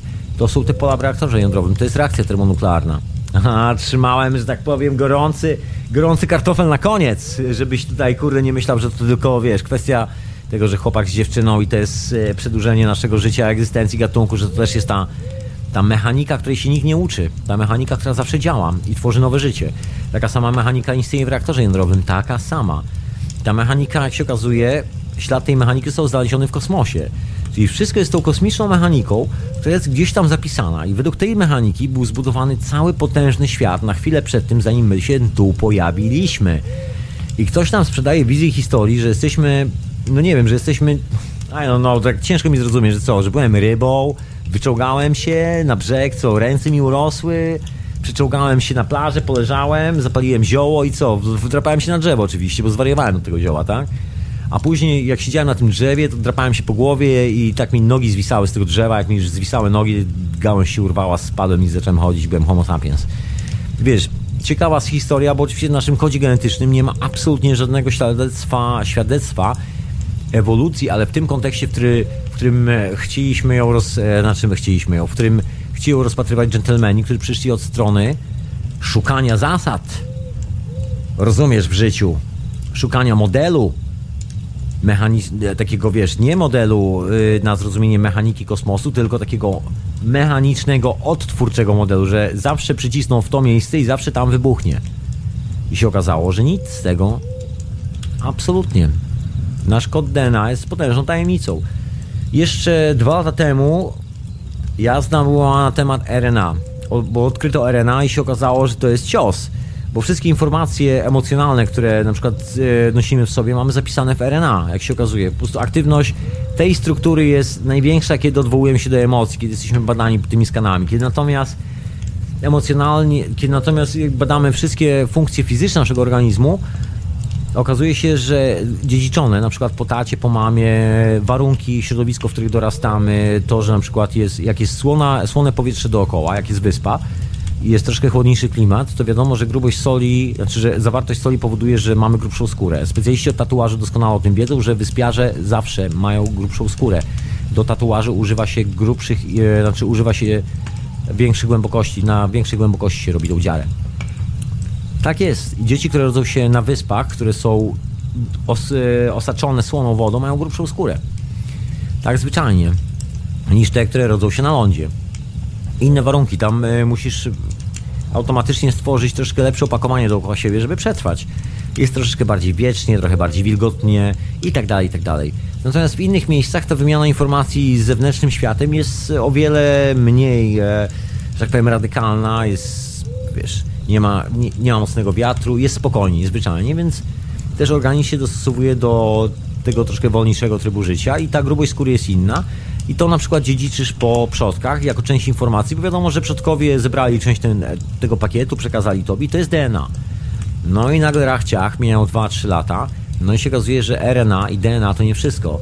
Myśleliśmy, że emo emocje są zapisane w RNA, ale tam w RNA jeszcze jest trochę więcej, bo się okazuje, że jest kolejny łańcuch RNA pod spodem i kolejny i kolejny.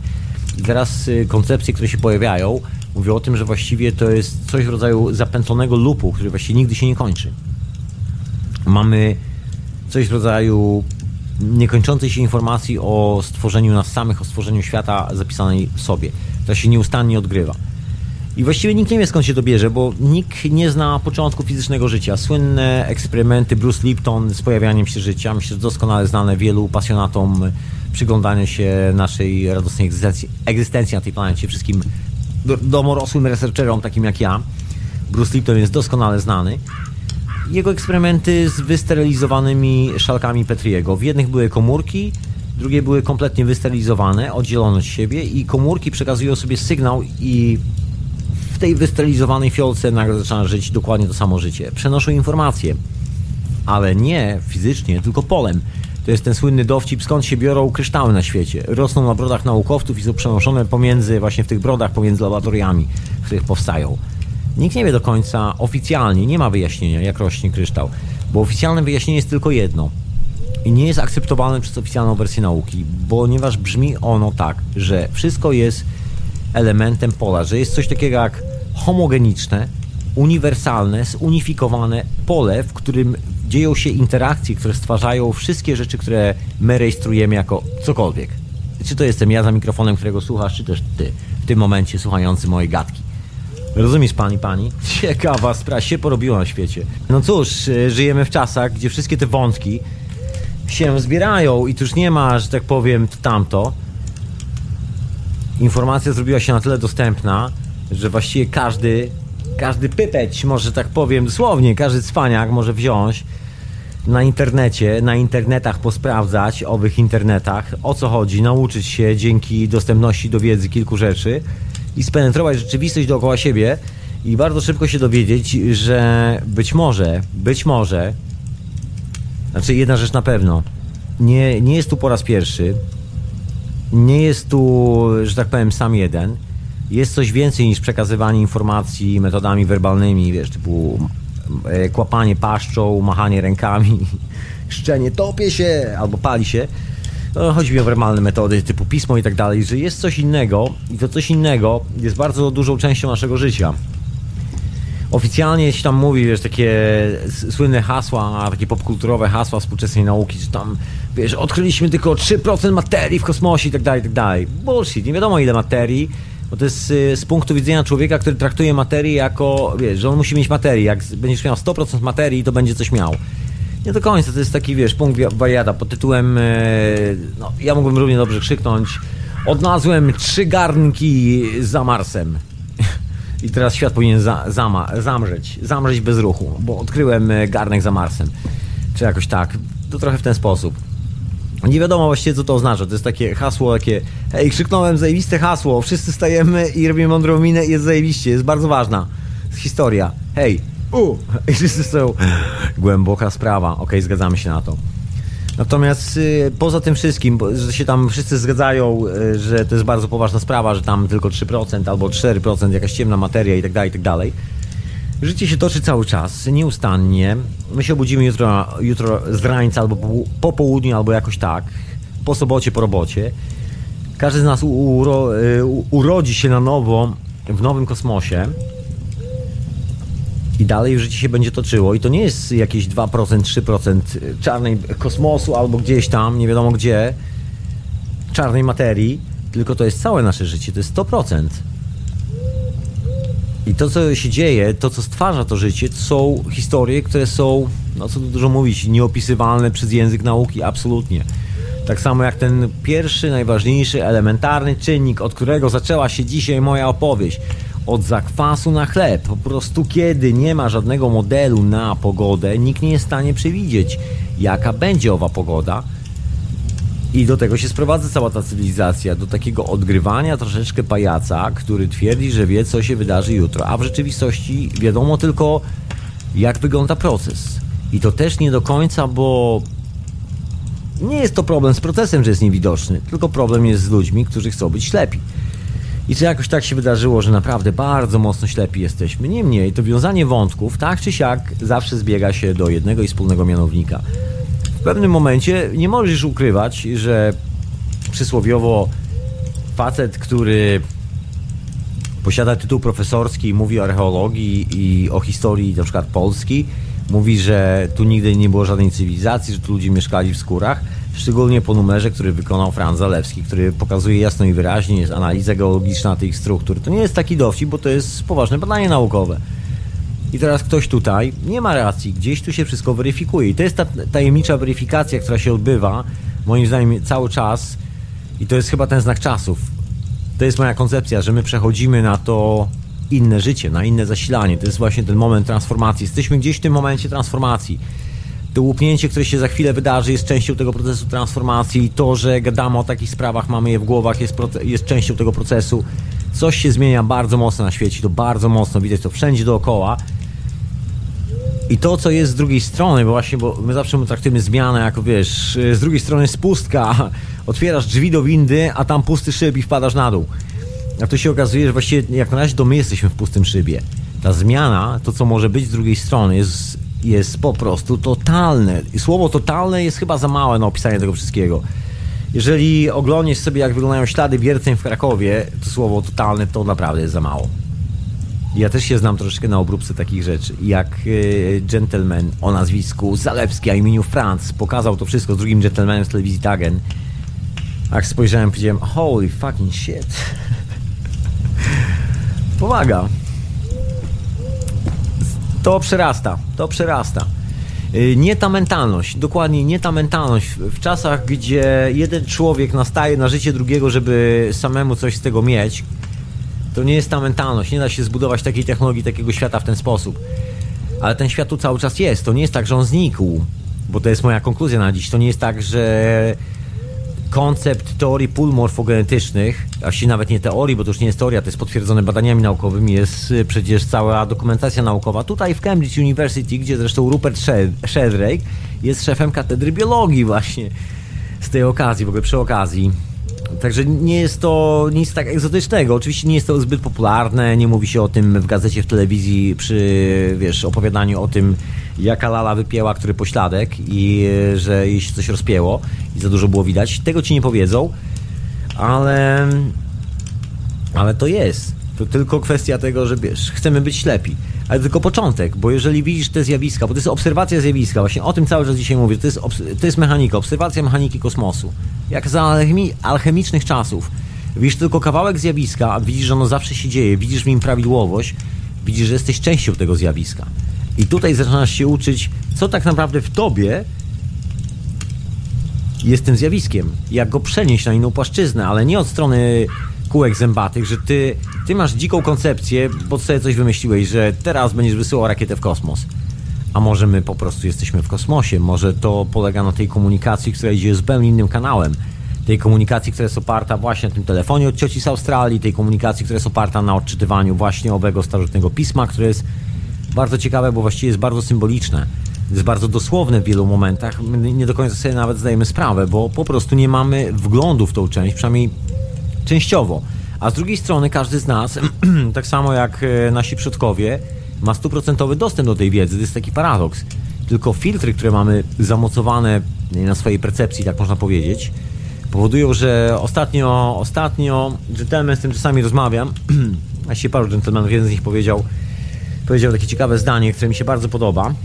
No wiesz, takie technologiczne rozmowy mieliśmy i zdanie brzmiało tak, e, rozmawiałeś tam, był wątek, wiesz, Prison Planet, że, że niektórzy twierdzą, mają taki koncept, że Ziemia jest e, planetą więzieniem. The Prison Planet, że my tu jesteśmy uwięzieni przez jakieś złe moce, reptylian, nie wiadomo co. Dziwne, egzotyczne pomysły.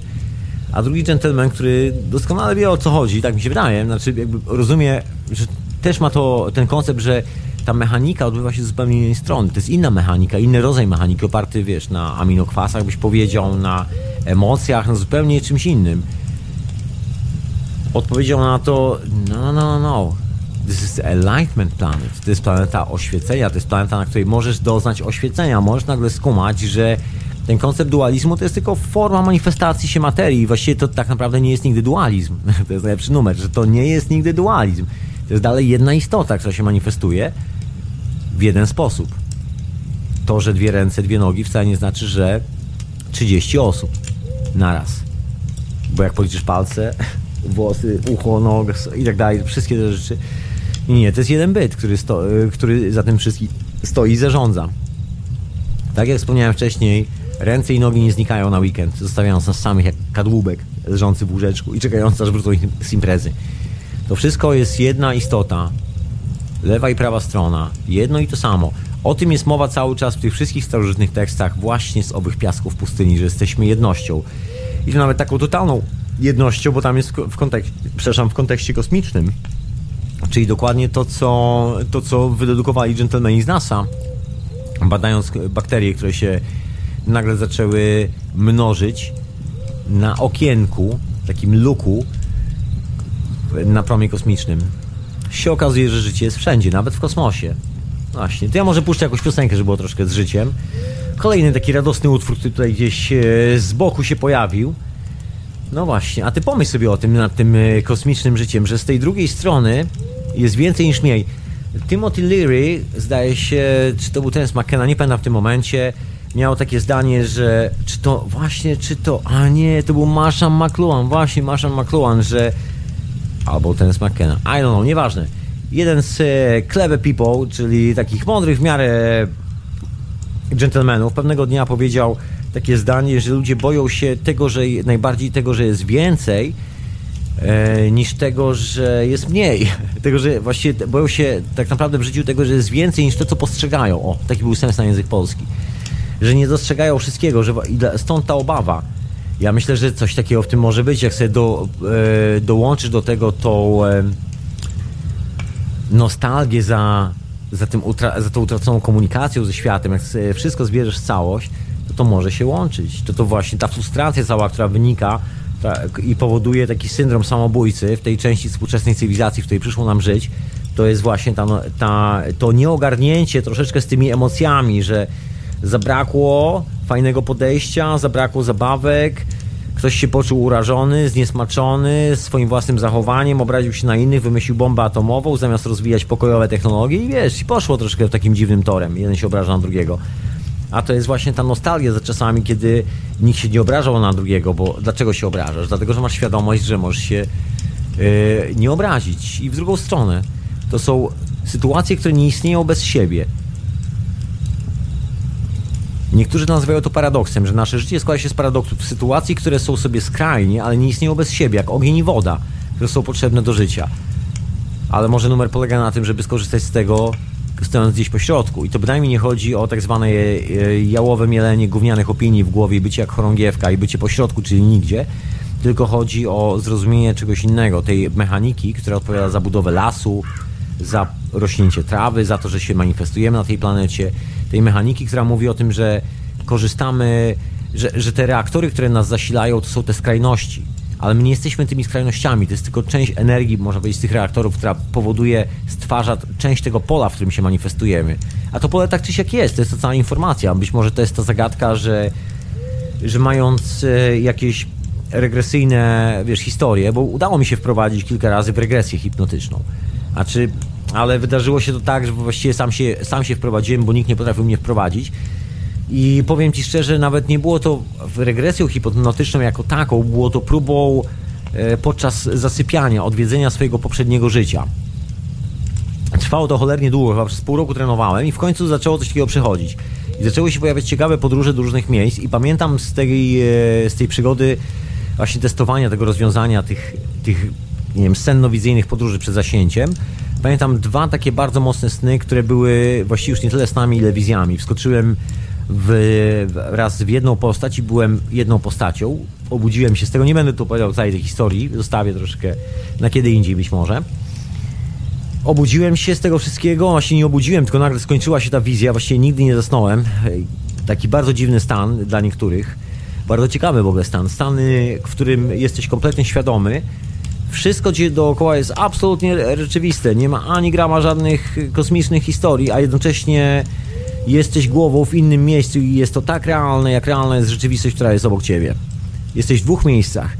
I to miejsce, w którym byłem, pokazywało mi troszeczkę inne życie w innym momencie historii i było to niesamowicie ekscytujące i przede wszystkim ekscytujące jak normalne. Jasne, że to jest wow, wielkie wow, jak przeżyjesz coś takiego, ale Najbardziej intrygujące było, był realizm tej sytuacji, nieprzeciętny realizm. Wszystko było tak realne, że mogłeś dokładnie tego dotknąć. Tak samo jak tego, no, tego świata, w którym byłem e, z drugą, z drugą częścią siebie. To było fenomenalne. Wszystkie odczucia, wszystkie emocje, wszystkie rzeczy, które trzymałem w ręku, wszystko. Wszystko było po prostu fizyczne.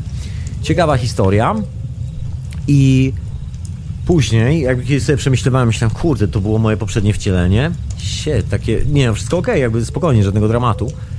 Bardzo ciekawa historia. Zacząłem szukać jakiś parał ze swoim życiem, czy, czy coś mam z tym wspólnego i później wydarzyła się druga historia, ponieważ to nie, oczywiście nie był koniec i żeby było zabawniej, takie samo wydarzenie, taki sam typ e, podróży do innego wymiaru, czyli dwa realne światy, w których szklanka była tak samo realna i tu, i tam, i nagle się okazuje, że jestem dokładnie w tym samym momencie historii Ziemi, w tym samym, dokładnie w tym samym czasie, tylko że w innym miejscu i inną postacią. Dzisiaj miałem ciekawą rozmowę, rozmawialiśmy o tym, ile, w ilu miejscach można raz być. A może to nie jest koncepcja, która próbuje być zradykalizowana przez jakichś, wiesz, joginów, jakichś tam teologów, którzy nigdy tak naprawdę też do końca nie są w stanie ci nic zagwarantować, tak samo jak ja. Nikt nie jest w stanie nic zagwarantować, tak samo jak ci naukowcy od modelu klimatycznego, to jest taka bajka. Ktoś sobie wymyślił model, że ileś tam wcieleń i coś tam. A może to nie o to chodzi. Może to jest dalej ta sama piosenka o tym polu informacji, że dostrajasz się i przestrajasz i przeskakujesz dokładnie w konkretne miejsca, możesz się połączyć z konkretnym punktem w historii i prześledzić każdą historię, która się wydarzyła na tej planecie, w kosmosie, gdziekolwiek chcesz. Tylko musisz w jakiś sposób wybudować w sobie taki reaktor, żeby cię połączył automatycznie z informacją w tym polu, żeby przeskoczyć tą niewidoczną barierę.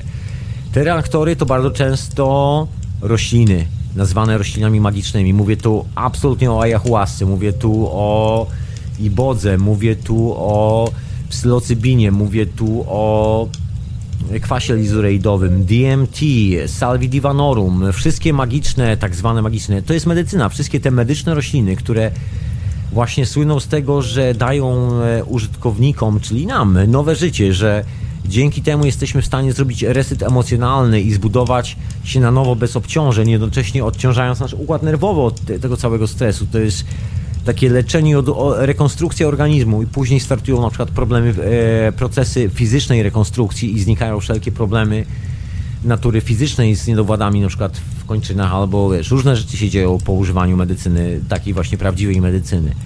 I to jest też ślad istnienia te, tego drugiego świata, tego drugiego pola, w którym dzieje się więcej niż mniej.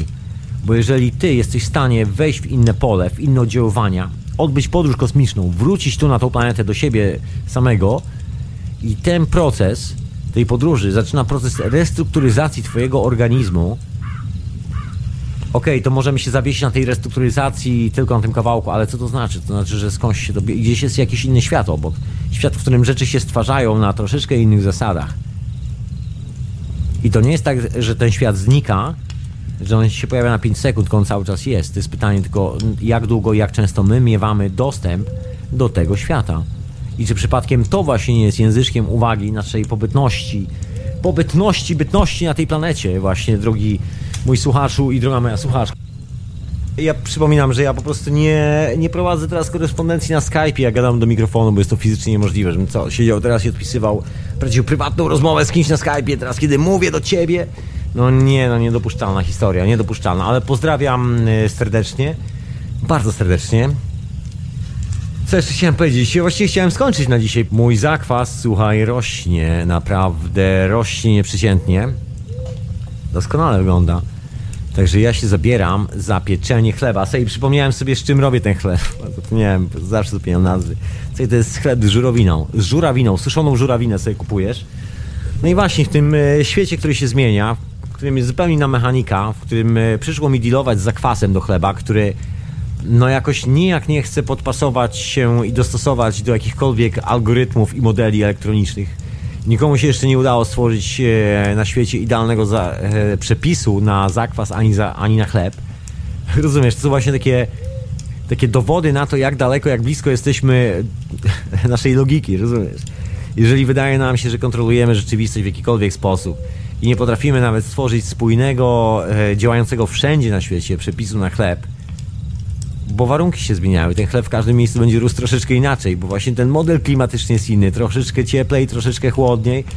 To co dopiero, to co dopiero właśnie, to w jaki sposób my chcemy od tej strony, bo często mówimy, bo co dopiero zrozumie świat, ale może to nie jest co dopiero zrozumie świat.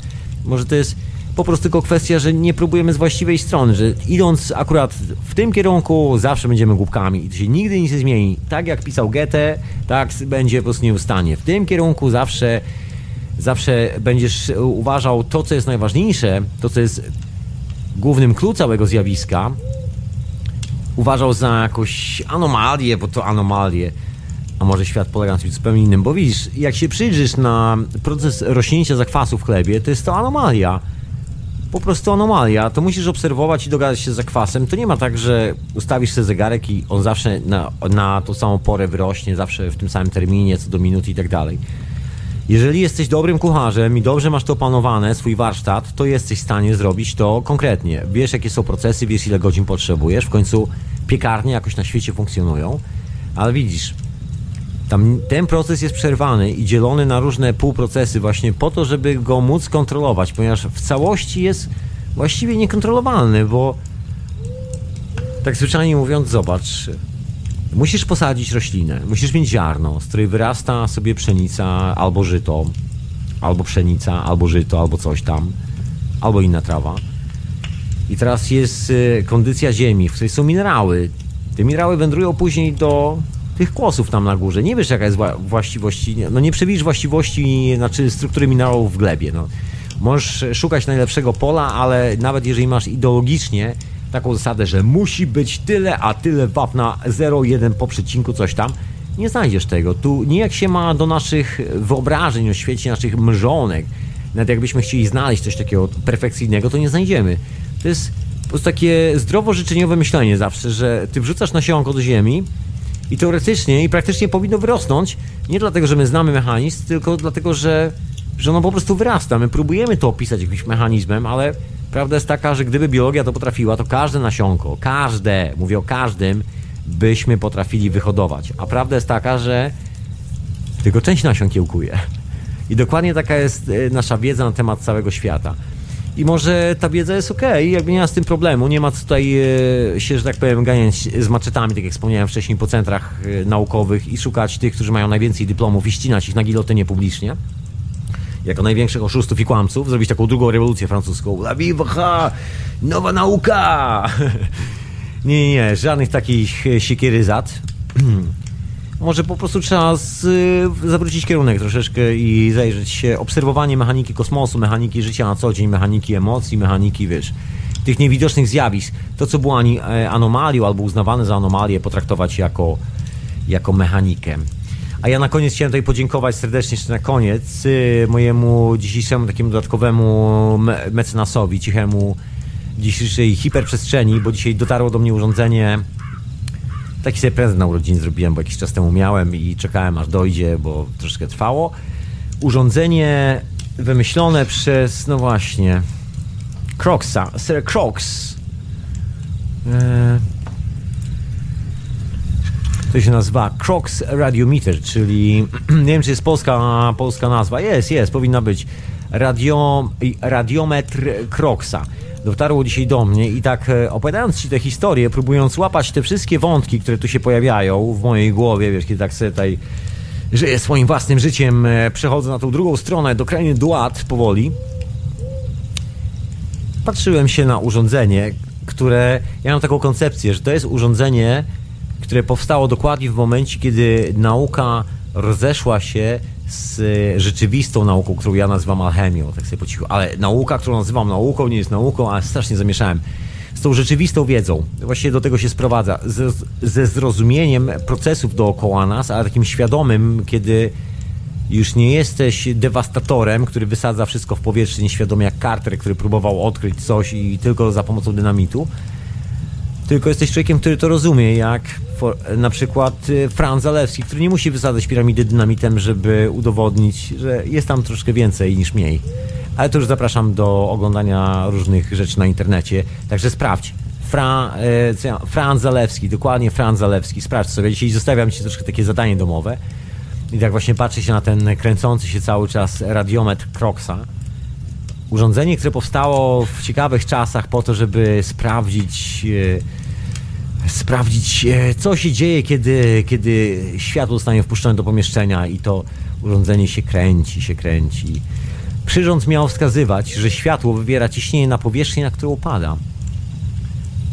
A może to jest kwestia, kwestia złego zrozumienia światła? Czym jest, czym jest światło w tym wszystkim, co się dzieje dookoła?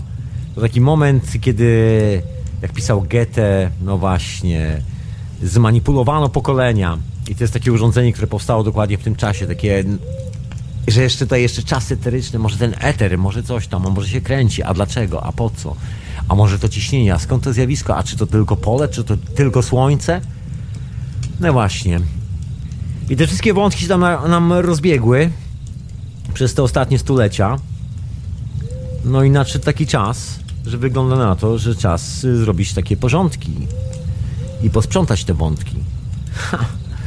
Otóż to, to ja znikam zrobić swój chleb z żurawiną, sobie będzie smaczny, on jest niesamowity. Uuu, zakwas rośnie na lampkach właśnie, bo jak widzisz, dzisiaj temat taki właśnie kompleksowy, bo widzisz, bochenek chleba zależy od znajomości środowiska dookoła. A przede wszystkim może nie tyle znajomości, ile tu umiejętności radzenia sobie ze środowiskiem, tuningowania się do tego środowiska i stwarzania warunków, nawet nie dla siebie, tylko żeby otrzymać coś dla siebie, trzeba umieć stworzyć warunki dla mamy natury. Ja stwarzam teraz warunki dla mojego zakwasu, który sobie słodko rośnie. Aż miło. Bąble idą tak jak trzeba. I jutro to będzie ten dzień, kiedy ten zakwas stworzy warunki dla mnie i dostanę pajdę smacznego chleba z żurawiną. I wyobraź sobie, że nie ma żadnego modelu matematycznego, nie ma żadnej opcji, która mogłaby to opisać. Poza poza właściwie różnymi fragmentami matematyki, które, które właściwie gdzieś tu się bardzo szybko kończą i dalej dalej jak robisz to pieczywo, to dalej musisz opierać się na swojej intuicji, na tym kontakcie z tym innym światem, który przebiega przez linię doświadczenia i eksperymentów, żeby wszystko zadziałało jak należy. Nie przez linię teorii, teologii, definicji i dopasowywania do schematów, tylko przez zupełnie inną drogę, wyboistą drogę eksperymentów. Książę Edward doskonale coś na ten temat wie. Słynne chleby nazywane przez nas Plato. Plato z angielskiego, nie myli z pewnym filozofem. Chociaż, no w sumie też taki, wiesz, yy, zbyt górzysty to on w mózgu nie był, taki bardziej płaski. Ale, ale też zostawiam tego Platona i znikam do swojego chleba, który już nie będzie Plato, już nie będzie takim, wiesz, będzie mountains, będzie huge mountains. I smaczny będzie, bo z żurawiną w środku. Czyli taki troszkę i dla zdrowotności coś, i takie smakowite. Także ja znikam. Dziękuję Ci człowieku za wysłuchanie tych wszystkich moich wątków, e, w których pełno porządków. Dziękuję Ci, droga mecenasko i drugi mecenasie, za wspieranie radia. Wiem, że strona jest nie, nie, nieaktywna, to znaczy jest aktywna, ale taka martwa, nic tam nie wymieniam, nie wrzucam. Wszystkie archiwa są na stronie Radia Paranormalnym i na stronie czasus, e, czasusnu.com u Grzegorza, także tam może znaleźć wszystkie archiwalia. Jak wesprzesz chłopaków jakimś drobnym funduszem na serwery, wow, rewelacja, bo to wszystko wszystko to taka inicjatywa indywidualna. Ja sobie siadam i wiesz, rozmawiam z tobą, bardzo miło mi się podzielić z tą, tą refleksją. To jest ten mój pomysł na życie, taka, wiesz, transparencja intelektualna i nie tylko, i emocjonalna. Dobry nastrój w sobotę wieczorem, trochę rock'n'rolla intelektualnego w głowie troszkę przeciągu porobić. Się wie, bo może się okazać za chwilę, że właśnie to, to, jest, to, to jest właśnie ten kierunek, to jest ta wiedza i właściwie wszyscy jesteśmy w tym właściwym przeciągu i wieje, wieje w stronę Kabulu. Parafrazując hydrozagadkę. Także miło, yy, miło mi z góry i z góry dziękuję za wspieranie moich kompanów, którzy tutaj pomagają yy, Radio na Fali propagować i dziękuję za wsparcie w ogóle jakiekolwiek finansowe dla Radio na Fali, dzięki czemu jest parę groszy na kawkę dla mnie żebym sobie zrobił kawę, żebym zapłacił za serwer i tak dalej, i tak dalej. I dzięki Ci przede wszystkim, już pomijając sprawy Bilonu z Babilonu, za to, że po prostu jesteś i sobie tego słuchasz. Szalnie miło jest z Tobą posiedzieć przy tym ognisku. Także dzięki człowieku i człowieczko. Usłyszymy się następnym razem. Dzisiaj nie będzie hiperprzestrzeni, znikam. Znikam robić chleb. Zamieniam się w piekarze. Takie nieustanne transformacje, jako że nadaję do Ciebie z południowego Londynu niedaleko wszystkich e, źródeł tych opowieści o doktorze Dr. Jekyll and Mr. Hyde, także ja też taka troszkę double personality. Mr. Tomasz oraz pan piekarz. Pan piekarz, szalony piekarz, który próbuje zrozumieć w chlebie historię kosmosu i złapać tą e, metaforę kamienia filozoficznego w mące. Otóż to, dokładnie tak właśnie jest, słuchaj. Nie inaczej. Także do usłyszenia następnym razem. Dziękuję bardzo za wysiedzenie ze mną i wysłuchanie. Mam nadzieję, że była dobra zabawa i że fajnie się słuchało i że jest miło. Także do usłyszenia następnym razem i miłego weekendu, człowieku. A przypominam, że w Radiu Paranormalium, nawet jeżeli słuchasz tego z offline'u, są fajne debaty ufologiczne. Jak jutro będę miał na chillaucie, to w tle oczywiście, jak nie będzie gości, bo się zapowiadało, może będzie chwila, to ja sobie w tle tam debatę pewnie puszczę jak nic. Także zapraszam, zapraszam serdecznie. No i do czasu snu do Grzegorza, tam lecą ciekawe rzeczy. Ja tak się nie, nie chwalę tym, tam się zapuszczam troszeczkę na takie słuchowiska, które tam są serwowane. Różne ciekawe materiały. Ciekawe wnioski. Jak mówię, tak jak mówię, tak jak mówię. Ciekawe wnioski. A co ja powiedziałem właśnie? To jest tak jak mówię, a co ja powiedziałem? Nie wiem, co powiedziałem sobie. Pogadamy za tydzień, to się dowiemy. Jasna sprawa. To co? To ja się żegnam i do następnego razu moja szanowna słuchaczko i mój szanowny słuchaczu. I miłego tygodnia. Peace and love. Słuchałeś hiperprzestrzeni w radiu na fali kosmicznym.